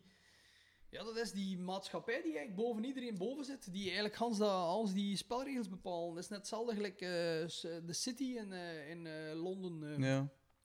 Dat is ook zo'n instantie, die zitten buiten alle wet. Die hebben een, hier, een stuk in het centrum van Londen, daar moet geen belasting op betaald worden. Dat is, dat is een compleet ander land, zo gezegd. Ja. Er moet de Queen of England moet uit haar koets komen om het zwaar te kussen als die er wil binnengaan. Dat is getikt. Dat is echt ja, getikt, niet, maar, hoor. allee, Ja. Zoveel je macht, Die macht die dat, dat, dat, dat, dat die instantie heeft. En Hmm. daar gaat zij dan samen met eh, de premier van Engeland, eh, als ze geld nodig hebben, eh, die kunnen we nog wat, ja, we kunnen nog wel wat lenen, geen probleem. Ja. Hoeveel moet je in? Het gaat dus zoveel kosten. Ja. En daar kruipen wij ons ter pletter voor Ja. om die kosten terug te betalen. En dat is geen dat ik bedoel. Hmm. De manier hoe dat wij onder druk gezet worden, heeft alleen maar te maken met die staatsschulden die door een paar families ter wereld lekker goed, eh, hoe dan ze het juist, eh, ik weet niet of ze in hoopjes van, eh, van buildings bij elkaar zetten, Mm. die biljetten.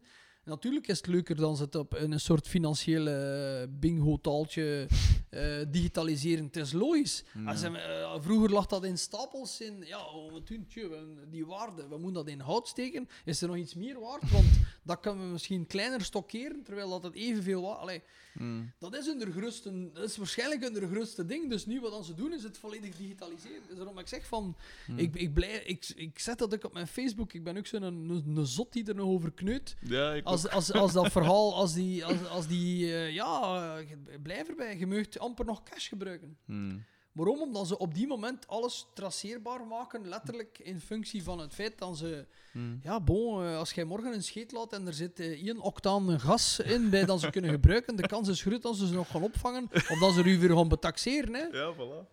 I'm Dus not dat. joking. Je misschien ooit nog tax moeten betalen als je zegt van, ja, maar ja, ik adem. Ja, nee, maar daar moet je op betalen, want Ja. het is wel onze lucht die wij voor u in de atmosfeer gehangen hebben. En ik ben er nu aan het overgaan. Maar Het gaat nog zo ver komen, ja. give it 100 more years. Ja, dan gaan we tuurlijk. nog hardig verschieten. Hmm. Waar dan ze u gaan oppakken. Dus de vraag is, ja, maar ja, allee, ik bedoel, Hmm. het is niet alleen een rat race, maar wij worden ook echt, wij worden ook echt ratten, hè. Ja, tuurlijk. Het enige dat ze nog doen is ons besproeien. Op het moment dat ja, het zijn er een paar te veel ambetant. Allee, Hmm. kunnen we daar niet wat product over smijten? Of geeft Ja. hij een keer wat eten? Ja, ja, het is zo. Excuse me, maar het. het, Het is altijd... Het is, eh, er is een tijd geweest... alhoewel ik, ik ben nu... Ik word nu 28, dus ik ben nog niet zo... Allee. Ik heb niet superveel levenservaring, maar ik ben wel opgegroeid zonder, zonder vader ook. Dus ik, ik Ja. was wel al rap met andere dingen bezig ook. Ja. En ik... eh, je begint zo te beseffen, zo een keer dat je zo 1984 leest, of, of, eh, of eh, wat is het ander daar weer van, van een ander? Ik ben het even kwijt. Eh, Brave New World. Dat je, je eerst leest dat en dan je van, what the fuck is dit? En dan een keer dat je zo eh, volwassen wordt en ook dingen moet beginnen betalen en, en, en de, de gazetten, want ik werk dan bij de gazet natuurlijk ook, dus je ziet daar al, al dan dingen passeren en dan pijzen van, dat is, het is gewoon allemaal zo. Het is gewoon echt, al die, die zotte verhalen Ja, van ja. 1984, bij uitstek. Dat is getikt hoe realistisch dat dat allemaal is. Hoe, hoe, hoe waanzinnig en hoe cynisch en hoe...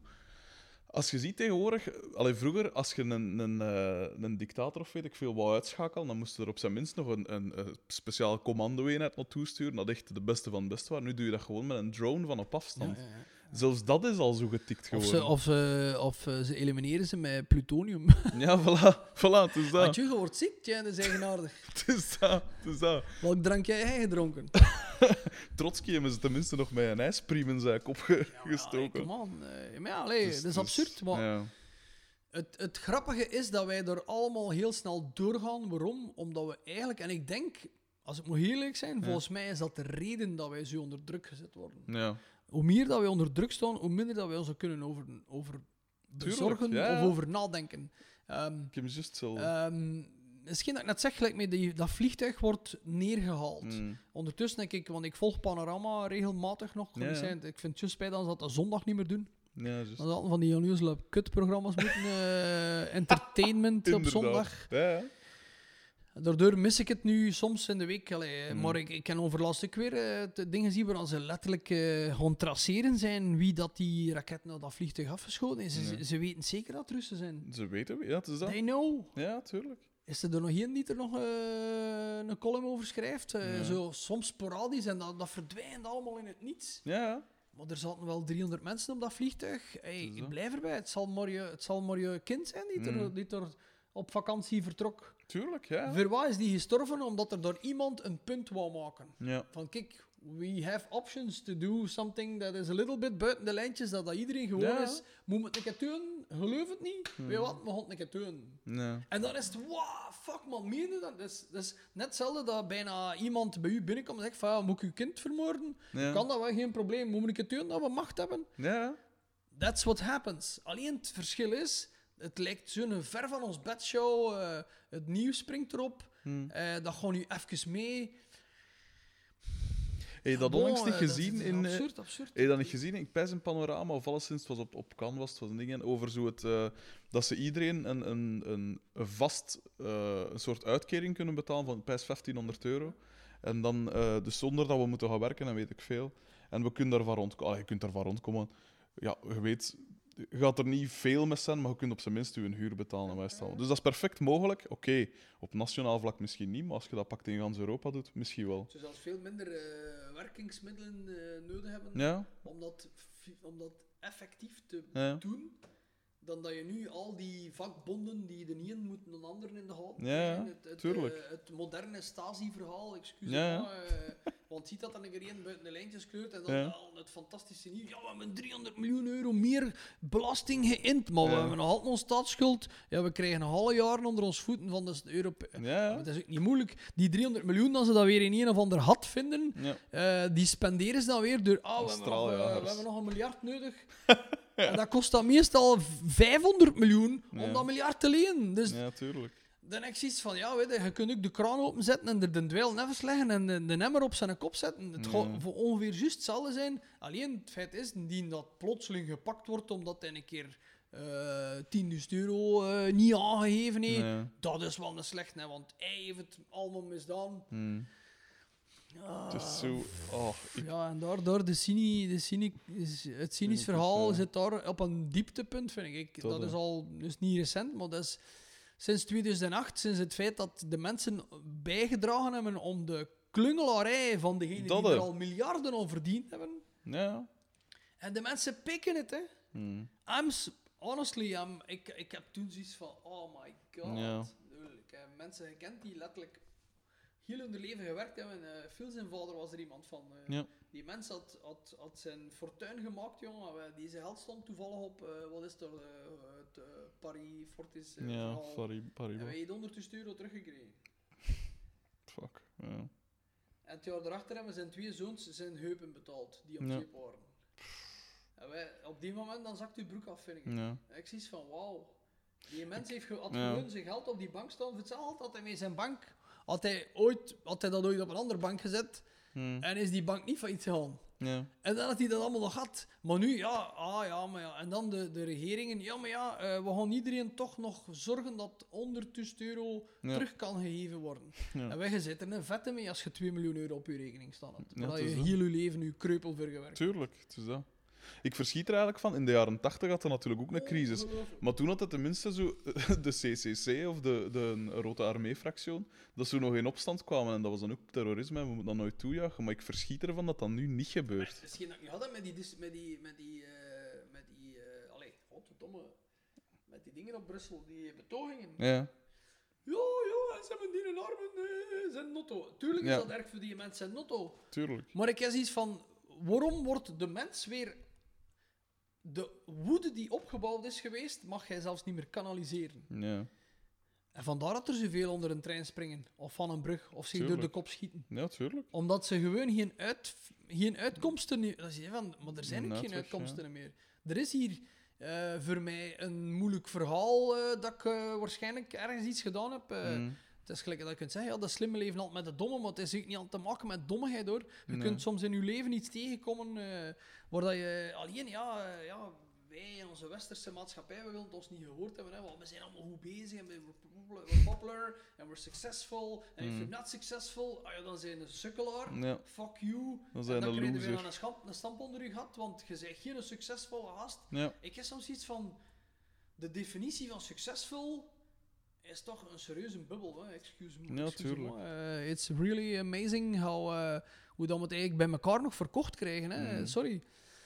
ja. Als jij de shockdoctrine van eh, Naomi Klein leest, my fucking god, Mm. lees dat en verbaas uzelf. Ja. Stuk uit uw zetel, want het is pure georchestreerde dictator in, Ja. allee, in ingesteldheid die door een financieel eh, verhaal vanuit fucking eh, Ja. Chicago, eh, een, een, een universiteit die eigenlijk aan dictatorialisme gewoon les geeft. Ja. What the fuck? Ja. Waar zijn we mee bezig? Ik heb hem hier liggen trouwens. Jezus. Dingen. is gewoon schrikwekkend. Ik. Als ik zo'n boek lees, dan valt mijn kin op de grond, joh. Ja. Dat, want allee, dat, is ook, dat is samengesteld geweest door 500, 600 eh, journalisten die er wil nog meewerken hebben. Hm. Oh my god, jongen. Dat is, ik, ik, ik, I'm, I'm really astonished dat dat gewoon kan uitkomen. En Hm. dat dat dan, ja, en dan zie je onze, onze eh, het grappigste is dat nu nog eh, qua realisme, onze eigen eh, van, van Overtveld, Ja. eh, die, die ondersteunt die, die, die leer die uit Ja. Chicago komt. ja, dat is... Heeft er zelfs een boek over geschreven. Dat onze, ons, dat is onze eh, minister van Financiën. Ja. Leest die een boek? Je, je, je moet het lezen om het te geloven. It's Ja. completely off the fucking hook. en ze, ligt er iemand van wakker? Nee. Nee, weet je waarom? We hebben geen tijd om ervan wakker te liggen. Nee. Daarom Dus- dat ik soms zoiets heb van, allee, ben ik dan de enigste zot? Ik heb zoiets van, ja, misschien is het mijn taak, ik weet het niet, eh, I don't know. Maar ik heb soms iets van, damn, van, is dat de wereld waar ik mijn dochter wil zien in opgroeien? Hm. Soms heb ik al zoiets van, ja papa, die boeken, die boeken. En ik heb zoiets van, pff, zou ik het beter niet uitleggen, want... Ja. Ja. ja, tuurlijk. Ik heb juist hetzelfde. Allee, je krijgt een vorm van... Als je er een realistisch beeld van bij voorstelt, als je Mhm. ziet hoe dat... Hoe dat, allee, eh, dat, dat is ook weer zo'n grappig verhaal. In die boek wordt er duidelijk uitgelegd hoe dat privatisering in, de, in het militair domein gebeurt. Ja, Ja. Iedereen, joh, ja, ons leger kost te veel, allemaal goed en wel. Ja, alleen ze halveren het leger. En dan eh degene die dan, in- vooral in de Verenigde Staten, aan de touwtjes zitten, Ja. Rumsfeld en, Ja, en compagnie, die, die, die steken van die multinationals in elkaar, waar dat die dan privémilities bouwen. Hè, ja. Ja. En dan komen ze erachter dat ze uiteindelijk, shit, we hebben in eh, Irak hebben 100 soldaten zitten, er zijn er 30 echte militairen en de rest is 70 is eh vreemdelingenlegioen. Allee, wel Ja. goed betaald, maar bon. Ja. En die zitten er dan met de modernste drones te vechten en de, de gasten van het leger hebben ziet van, shit, wij zijn het leger, maar onze compagnons die, die hebben meer materiaal en geperfectioneerder materiaal Ja, ja. omdat die door uit de Amerikaanse staatskas ziljoenen Ja. pluimen om van die privémilities op te bouwen. Dat is getikt. En uiteindelijk, het grappigste is, het kostte nog meer dan als het ah ja, leger zou voilà. sturen. Het is dat.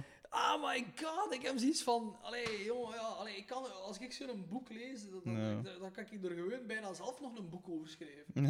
Ja. Ja, ja. zeker. Als tegenreactie van gasten... Wat voor willen wij dat waanzin. eigenlijk wel... Allee, geleest dat, willen, willen wij dat eigenlijk wel nog snappen? Willen wij nog snappen dat we eigenlijk gepakt worden om 300 per uur? Ja. Maar nee, nee, we hebben geen tijd. want Ja, we hebben al leerlingen, ja, we moeten gaan werken en veel wat... ja. En dan Ja, heb ik zo nog al die dingen gelijk met de banken dan, met Bernie Madoff en wat is het allemaal, al dat soort Ja. degoutante... Allee, mensen ruïneren voor, voor zelf de meest op... Allee, we zitten dan te spreken over Caligula vroeger, of Marie-Antoinette en weet ik veel, maar tegenwoordig evenveel. Dus En, we, zijn en- wij, we zijn wij op eenzelfde manier net hetzelfde aan doen. Nee. Het is gewoon gecompliceerder. De vraag Mm. is, wilde de techniciteit van sommige dingen wel weten? Hm. Maar, bon, eh, ja, allee, ik blijf erbij. Ik, ik, ik denk dat ik wel snap waarom dat die een druk op onze kop zo hoog moet blijven. Hm. Dus blijven we bezig. Natuurlijk. Dus heeft het gemiddelde bevolking geen tijd om na te denken. Hm. Mag ik nog een glasje water? Ja, tuurlijk. tuurlijk. Eh, wacht. Ah ja. Ja, ik zal kijken toe. maar het is wel zo dat, allee, basically, ehm, ja, bon, ik vind dat toch allemaal wel, ehm, ik vind dat zwaar een turf, sorry dat ik het moet zeggen, ik vind dat zwaar een turf. Het zijn allemaal dingen waar ik mij afvraag van, waarom, merci, waarom, ehm, ehm, eh, wordt er niet meer op, op opgetreden. eh. ja, Mm. allee, waarom? Allee, dat is hetzelfde met Snowden. Ja, ja inderdaad. Waarom wordt die mens... me- veel mensen snappen dat niet, hè. Die zeggen, ja, maar ja, het is een publieke... Hij heeft iets misdaan. Ja. De vraag is, wat heeft hij misdaan? ja, het is dat. Je al veel mensen vraagt, dan. hebben die, ja, maar ja, het is een slecht, want Amerika is op zoek achter hem en ze wil niet dat hij... eh, want hij heeft iets gepikt. Mm. Ah ja, hij heeft iets gepikt. Wat heeft hij gepikt? Hij heeft informatie gepikt, waar dan zij altijd al, en dat is trouwens niet alleen in Amerika, dat is hier net hetzelfde, Tuurlijk. die informatie wordt 50 jaar onder de secret stuff. Dus in Ja. België net hetzelfde, in Europa, the whole nine yards, Tuurlijk. everything's the same thing. Tuurlijk. Dat wordt 50 jaar onder het stof gestoken, en achter het 50 jaar zijn we twee of drie generaties verder. Ja. Who cares wat er in de tijd gebeurd is? Natuurlijk is de oorlog, de Tweede Oorlog een, een, een afschuwelijk feit. Mm. Maar geef toe hoeveel mensen dag van vandaag, wij hebben geen flauw idee wat dat is. Simpelste Waar die voorbeeld. familie uit, uit, uit uw Ja. kot eh, eh, ge- gepak, geplukt wordt, eh, al dan niet al vermoord voor de deur en de rest wordt dan vergast. Ja. Ja. Het is, het is, een simpel voorbeeld is met, met vroeger, met die wolk, dat hebben ze ook gewoon ge- ge- geheim gehouden. Dat, dat dat boven ons land ook ging. Dus, Ah, dat is toch geen andere optie, want iedereen geen paniek zijn. ja. Alleen zijn vrouw zei dan wel af, hoe komt dat dat wij allemaal zoveel kanker hebben? Ja. Hmm. ja, Is inderdaad. dat vorige week zelfs nog geweest?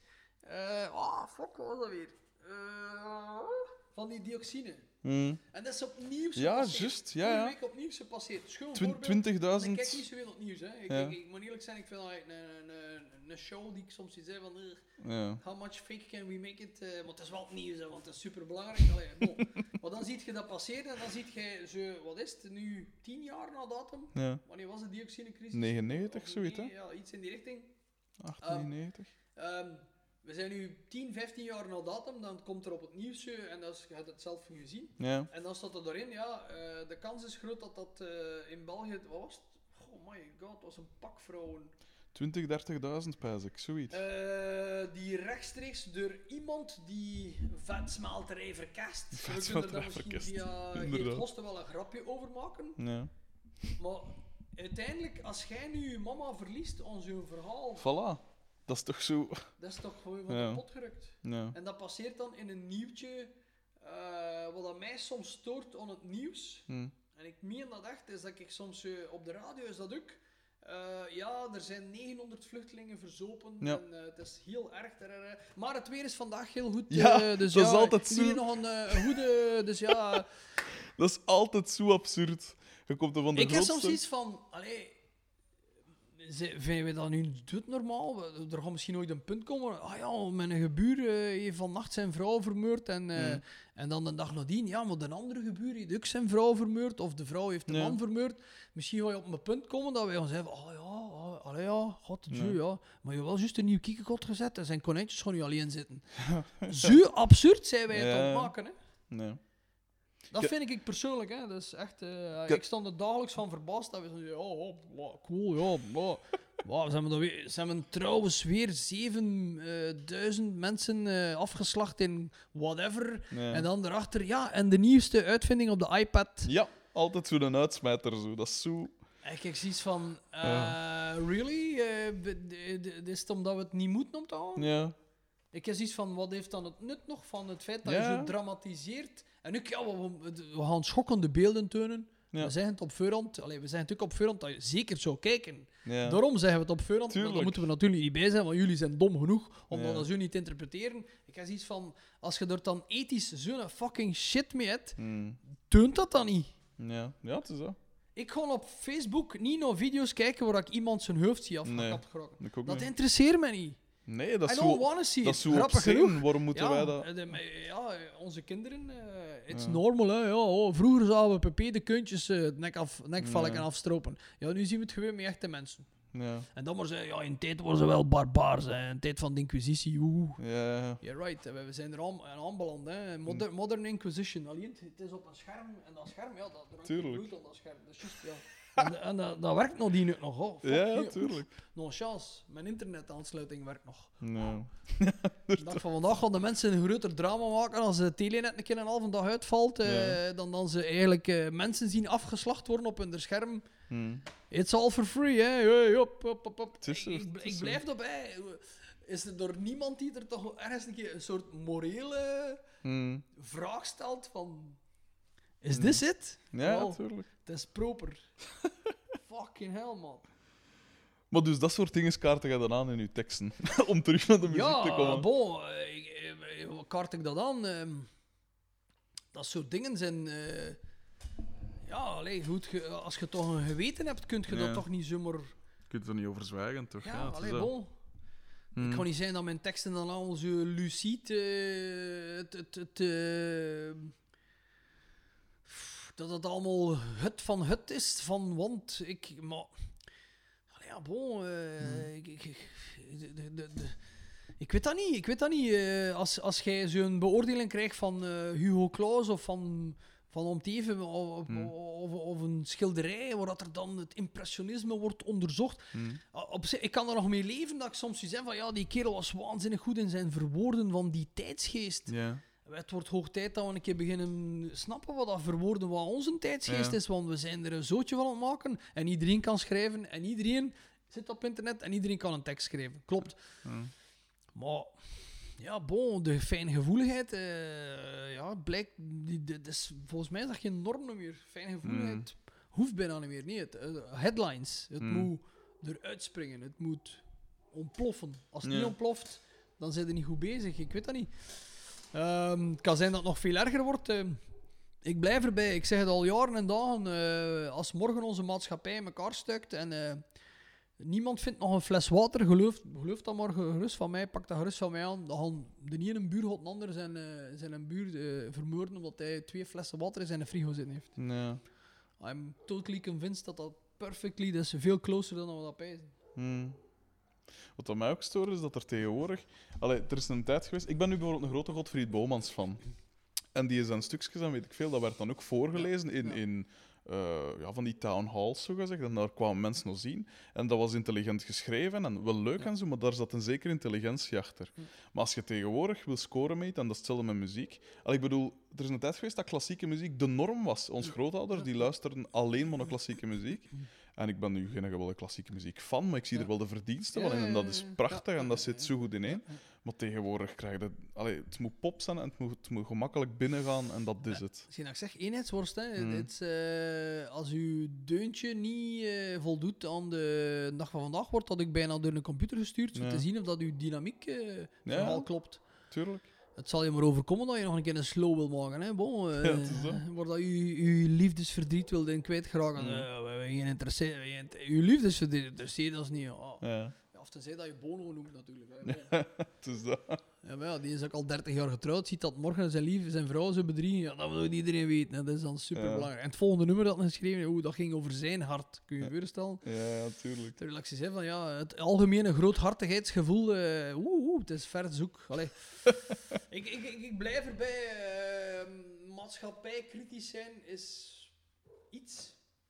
Het probleem is ook dat je soms moet opletten dat je niet eh, zwaar ver, verzandt in te veel eh, Ja. anti, want da- daar ben ik ook van overtuigd dat dat ook niet de oplossing is. Nee. Maar ehm, alles bij elkaar durf ik toch wel zeggen dat we, eh, ik weet niet, ik vind dat we toch wel een serieus zootje van het maken zijn. Dat, eh. we nog veel platen moeten maken.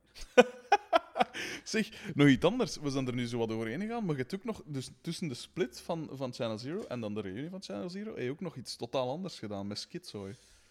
Maar ja, was een verhaal dat eigenlijk gekomen is eh, uit het feit, ja, waar het bloed kruipt, eh, zal het niet staan of liggen of whatever, hoe dat je het kunt gaan, welke variant dat ik er nog kan op, op, op bevinden. Dus uiteindelijk, ik ben daarmee begonnen. Ja. Het enige is, uh, was eigenlijk op zich wel niet mis. Hm. Ik ben daar tegen het probleem aangelopen dat ik als metalmuzikant, de veel mensen, was het niet hard genoeg. Ja. Eerlijk gezegd, ik, ik was er totaal niet mee bezig. Ik had ook niet gedacht Nee. dat dat mij zo zwaar ging nekken. Ik heb die plaat gemaakt. Er hangt ook nog als een trein aan vast, om dat plaatverhaal. ehm, dat heeft me ook een pak geld gekost. Veel te veel om goed te zijn. Dat heeft me ook een deel mijn, mijn, eh, mijn huwelijk gekost. Oei. Dus ja, basically alles bij elkaar is dat een eh typisch ook weer zo voor iets gaan en erin geloven. En, en, eh, en dat eigenlijk grappig genoeg goed krijgen op het moment dat je er moet mee stoppen. Dus op het moment dat ik eigenlijk eh, met dat verhaal gedaan was Hm. en niet meer verder kon, eh, had ik de juiste mensen gevonden en had ik eigenlijk een tweede plaat moeten maken. Maar ja, bon. ik heb dan moeten kiezen eh, om, een, om alles achter te laten en dan... in een job te springen om, om, om die putten te gaan vullen. Eh, niet simpel, maar bon. Ehm, ja, dat was een hele zware leerperiode die ik, ja, die ik niet meer zo overdoen. Maar bon, ja, je kunt niet altijd alles weten. Net zo, Ehm, zo. Het, het, het, het, is iets dat ik zoiets heb van, ja, eh, het heeft mij ook wel veel bijgeleerd hoor. Pas op, ik heb wel heel veel ehm, al had eigenlijk langs de ene kant, maar het was toch een zware dobber. eh. dus Ja. ik zo, ja... Ehm, ik blijf erbij. Muziek maken is één ding en dat willen doen op een niveau is een ander ding. En, dat, en, en Mm. daar dan direct voor kiezen, zoals ik dat met Skitso gedaan was, was, was een zware dobber. Maar ja, Mm. that's the, that's the, thing. En dan moet je een deel mee leren. Allee, je moet ook leren leven met je ontgoochelingen of met je eh, fail, fails. En eigenlijk was Skitso misschien niet muzikaal niet, eh, moest ik er nog één stap verder kunnen in gaan hebben. Was dat misschien geen fail geweest. maar ja, dat was voor mij toch wel... ik heb dat moeten achterlaten en dat vond ik wel wat spijtig. Maar ja, bon. Life goes on en eh, we move on. En dan, kijk, ja, je ziet dan wat later, eh, het Channel Zero verhaal popt weer op zonder dat ik een plan had. Dus ja, Mm. eh, ik weet dat niet. Ik heb wel eens iets van, moest ik ooit nog op de maan belanden? Ik zit ook nog geloven. ik, I'm, I'm not even joking. Het is, ik, ik weet dat niet, ik kan dat moeilijk uitleggen. Mm. Hoe dat het bij mij gaat. Soms up en down en links en rechts en achter en voor, whatever.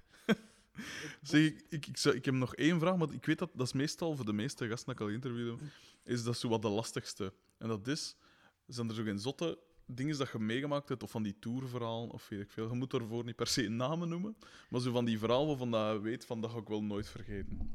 Om het even welke zin. Omdat geestig is, omdat het heel trustig is, omdat... Goh, ehm goh, wat ik nooit vergeten. Het, eh goh, er zijn er zoveel eigenlijk. Dat is voor mij geen Hmm. moeilijke. Just, eh, was, wat, wat, wat, zou ik zeggen. goh, wat is er, eh, wat is er... Je moet niet, hè, als je Nee, nee, nee, nee, van... ik ben even aan het... eh, Ja. eh, goh, wat is er mij bijgebleven? Jezus. Het Channel Zero is bijna, of een helft van mijn leven is een aanschakeling van dingen die mij bijgebleven zijn, om- door, soms door de absurditeit. Mm.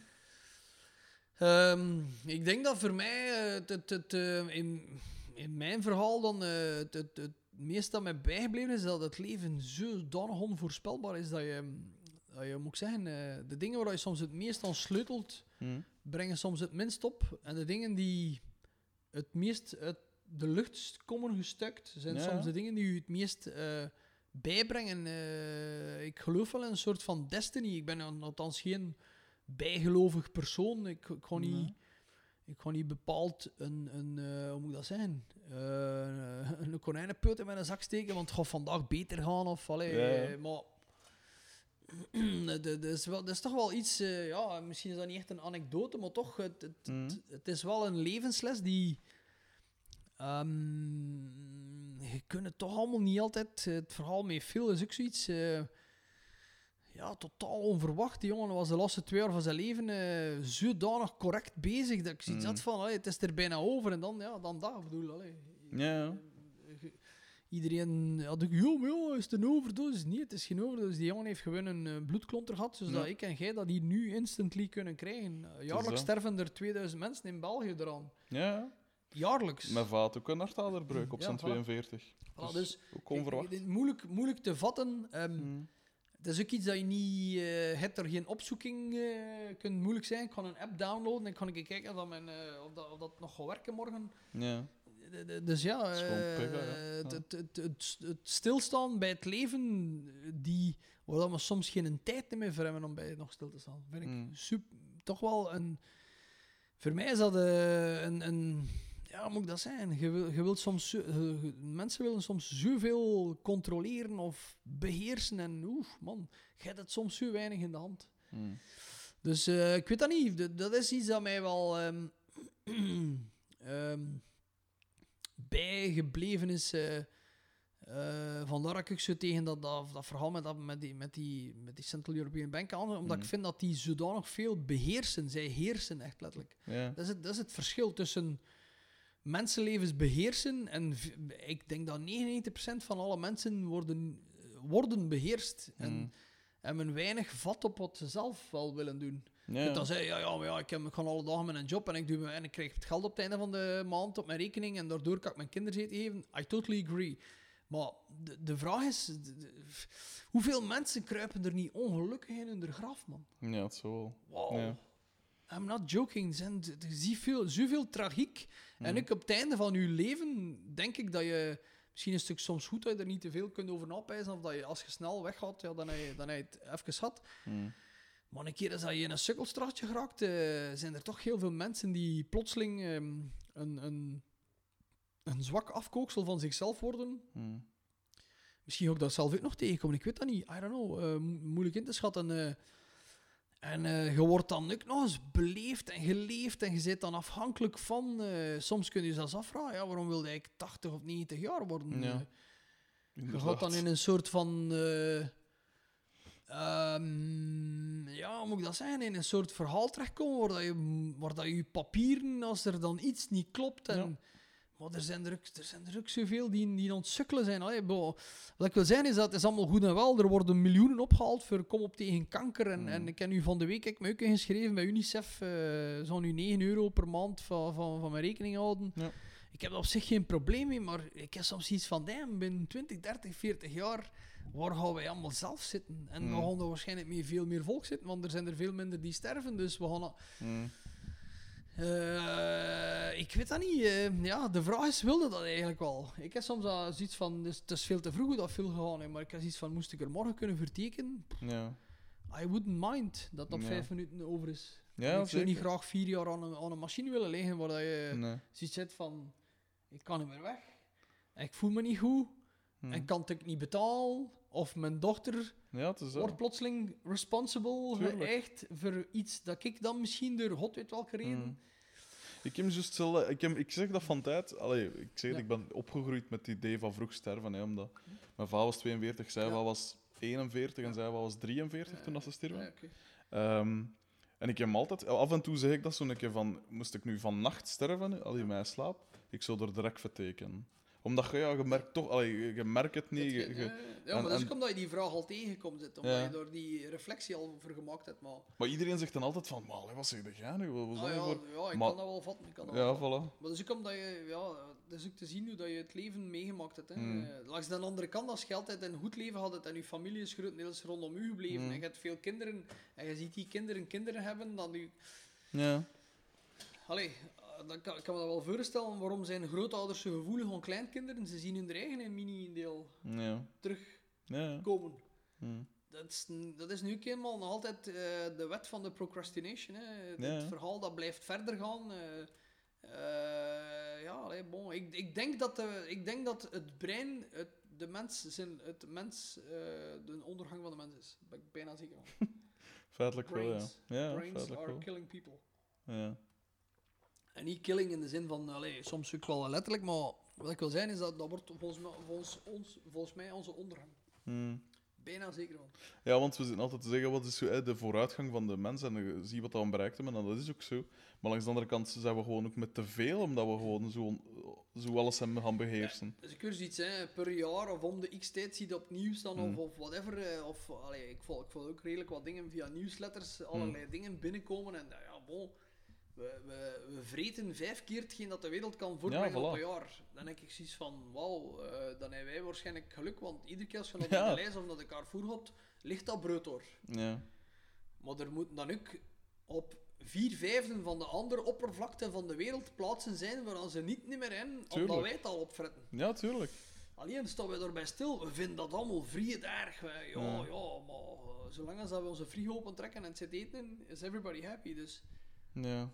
Ja, dat doet mij pijzen. In, in, eh, toen, dat Engeland, toen dat India nog van Engeland was, Ja. was er een eh, hongersnood ergens, ergens in India. En hebben ze daar gewoon, al dat, dat eten vandaar, hebben ze gewoon uitgevoerd naar Engeland, voor, Ja, de, ja. voor de Engelse burgers, zo gezegd. Terwijl er daar dus massaal hongersnood Ja, was. Dat, is, dat alleen al is toch... dat is te zot Dat is voor toch absurd? Eh, En- en- op, onderschat het niet. Het is er zwaar aan het draaien. Hè, want sommige economieën zijn nu aan het overpakken. India en Brazilië. Ja, in Afrika bijvoorbeeld. They're conquering eh, Mhm. Afrika.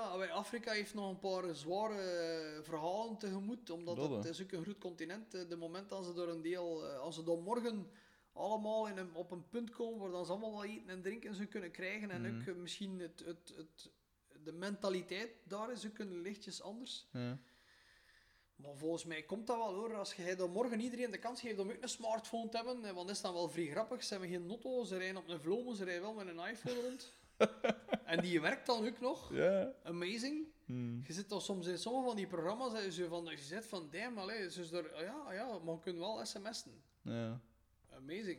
Ja. Zijn we nog niks, maar ze kunnen wel communiceren met elkaar, want ze moeten wel elkaar kunnen. Dus wat ik wil zeggen is dat er daar weer al multinationals met satellieten eh, het verhaal aan het sturen zijn van ja, we kunnen dat hier wel. Hè. Het is gewoon het gaat iets langer duren voordat ze allemaal gewoon eh, een bankrekening in.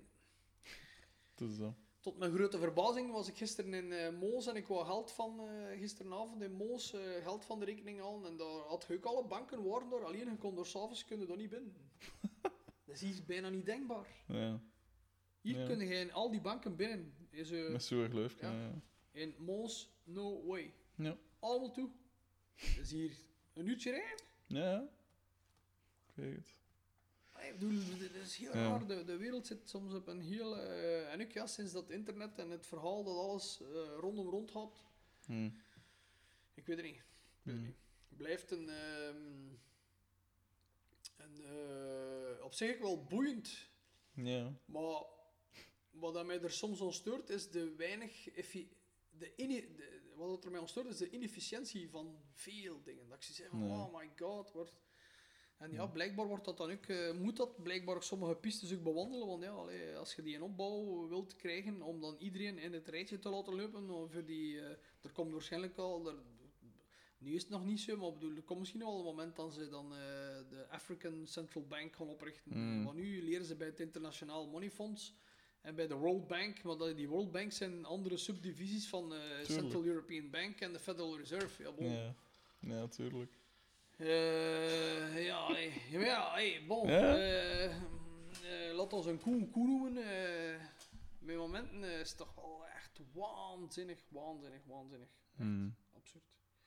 Maar bon, kijk, ja, allee, dat is, ik ga nu moeten laten. dat is niet. Ik, Dat is eh, eh, geen probleem. I did my thing. ik, kan, ja, ik kan uitweiden over heel veel, omdat ik redelijk Ja. wat al gelezen heb en eh, Hmm. met sommige dingen bezig ben. Ik, ik kijk dan ook weinig tv. Ja. Of, ja, of dingen, programma's, eigenlijk eh, die drie, eh, dat was ik wel vrij grappig, die drie eh, panorama's over Snowden heb ik, ik, gezien. Ik ben vrij Mm. content dat ik ze gezien heb. eh. en daar, dat, dat is zo waanzinnig hoe dat in datzelfde programma durven de ondervragers eigenlijk op een bepaald moment, zo want ze interviewen ook eh, Rums, eh, niet Rumsfeld, maar ehm, eh, Richard A. Clark, Ja. de veiligheidsadviseur van, Dik. eh, Ja. eh, van, ehm, eh, van eh, Bush. Ja. Dat ik trouwens ook zijn boek gelezen heb, eh, die zat er ook in, tot mijn grote verwondering. En die zit, ah man, die zit evenveel met zijn handen in het vet als dat hij zijn boek probeert er van onder te muizen. Tuurlijk. Oh, oh, oh, oh, oh. Maar ik zie van, damn gasten, allee, wow, oh, oh. Jong, jong, Hmm. jong, jong, jong. Echt wel eh, heftig, heftig. Ja. Bepaalde overliggende power NGO's eh, dingen doorvoeren die, Hmm. die, wij, die, die, die, wij, ja, die wij in eerste instantie precies lijkt dat te ver van onze bedshow, maar Ja. dat is het niet. That's Nee. not, no way. We, we, we hangen door zo zware wetgevingen worden eh, vloeien voort uit al die dingen. En oh, Hmm. ik blijf erbij. Heel de cynische opbouw van het feit dat allee, België doet ook al mee. Hmm. ehm, in, in, in, in Luik, eh, wat is er? ehm, die die al die wapens produceren. Van. FN, eh Ja. allee, dat is dat, jongens weten hoeveel. Mhm. geen dat ik zo absurd vind. De- de- Er wordt soms over 200 miljoen euro eh, groot drama, want de werklozen hebben het allemaal gepakt. Boe, Ja, boe, boe, ja. boe, boe. Inderdaad. En dan verkopen ze in godsnaam eh ik weet niet veel wapens, waar dan ze 1 miljard euro belastingen onder, onder... Wat doen ze met dat belastingsgeld? Voor de Belgische staat, ik zo gezegd. Ja. Maar ondertussen zijn ze ook die, die staatsschuld aan het afbetalen daarmee. Hm. Alleen ja, hetgeen dat ze daar verkoopt is geen iPad. Hè. Sorry, er komen kogels uit dat verhaal. En er worden af en toe wel eens een moorden mee gepleegd. Ja. Soms zelfs op grotere schaal. Maar Ja. oh, ja. Het enige is, hij nog kogels gaan doen, want onze stok is leeg. Ja. Tuurlijk, ja. En banken ook dat gewoon geld Ja. investeren in, Ja. in wapenhandel Ja, weet ik veel. En dat vind, allee, daar sluiten we Er gewoon is de geen ogen voor. hond die zegt dat, oh, oh ja, maar dat is wel een serieus bedrijf, die hebben een cashflow nodig. Of course. Ja. Het is... Ik blijf erbij. Wat hebben ze in Irak gedaan? Ze hebben gewoon eh zelfs iets van, tjoh, dat is een grote zandbak, jong. Hmm. Laat ons door al ons overschot pompen. Dump het er maar in. Ja, er wonen er ook wat kamelen en wat mensen. Ja, die wonen er ook al lang al. Ja, Ja. goed, ja, die moeten dan maar wat weglopen. Ja, die niet toevallig op de ver... Ja, ja, ja. Het is dat. Het is absurd. Wat was de hoofdreden? Het zat veel olie onder de grond. 95% van al die bedrijven is nu in Amerikaanse handen. Hmm. We hebben ons een klein beetje safe gesteld. De eerste 50 jaar kunnen we nog olie uit de grond pompen. Ja. Whatever. eh, die mensen, ja, die nou gewoon, we don't give a fucking shit. En langs de andere kant, uh, geldt ook nog overschot. De bom, die zet er een, een, datum op. Hè. Die dingen, eh, dan moet dat, we moeten dat ergens... That's what ze gedaan hebben. Ze hebben dat gewoon al in een overschot gepompt. Hm.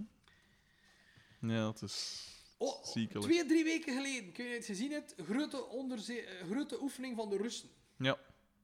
Dus waarschijnlijk, als je eh, het klein Ja. beetje volgt, ik denk dat je mij al een klein beetje kent. eh, Ja, ja. Wat is er u door het zwaarste opgevallen, volgens u?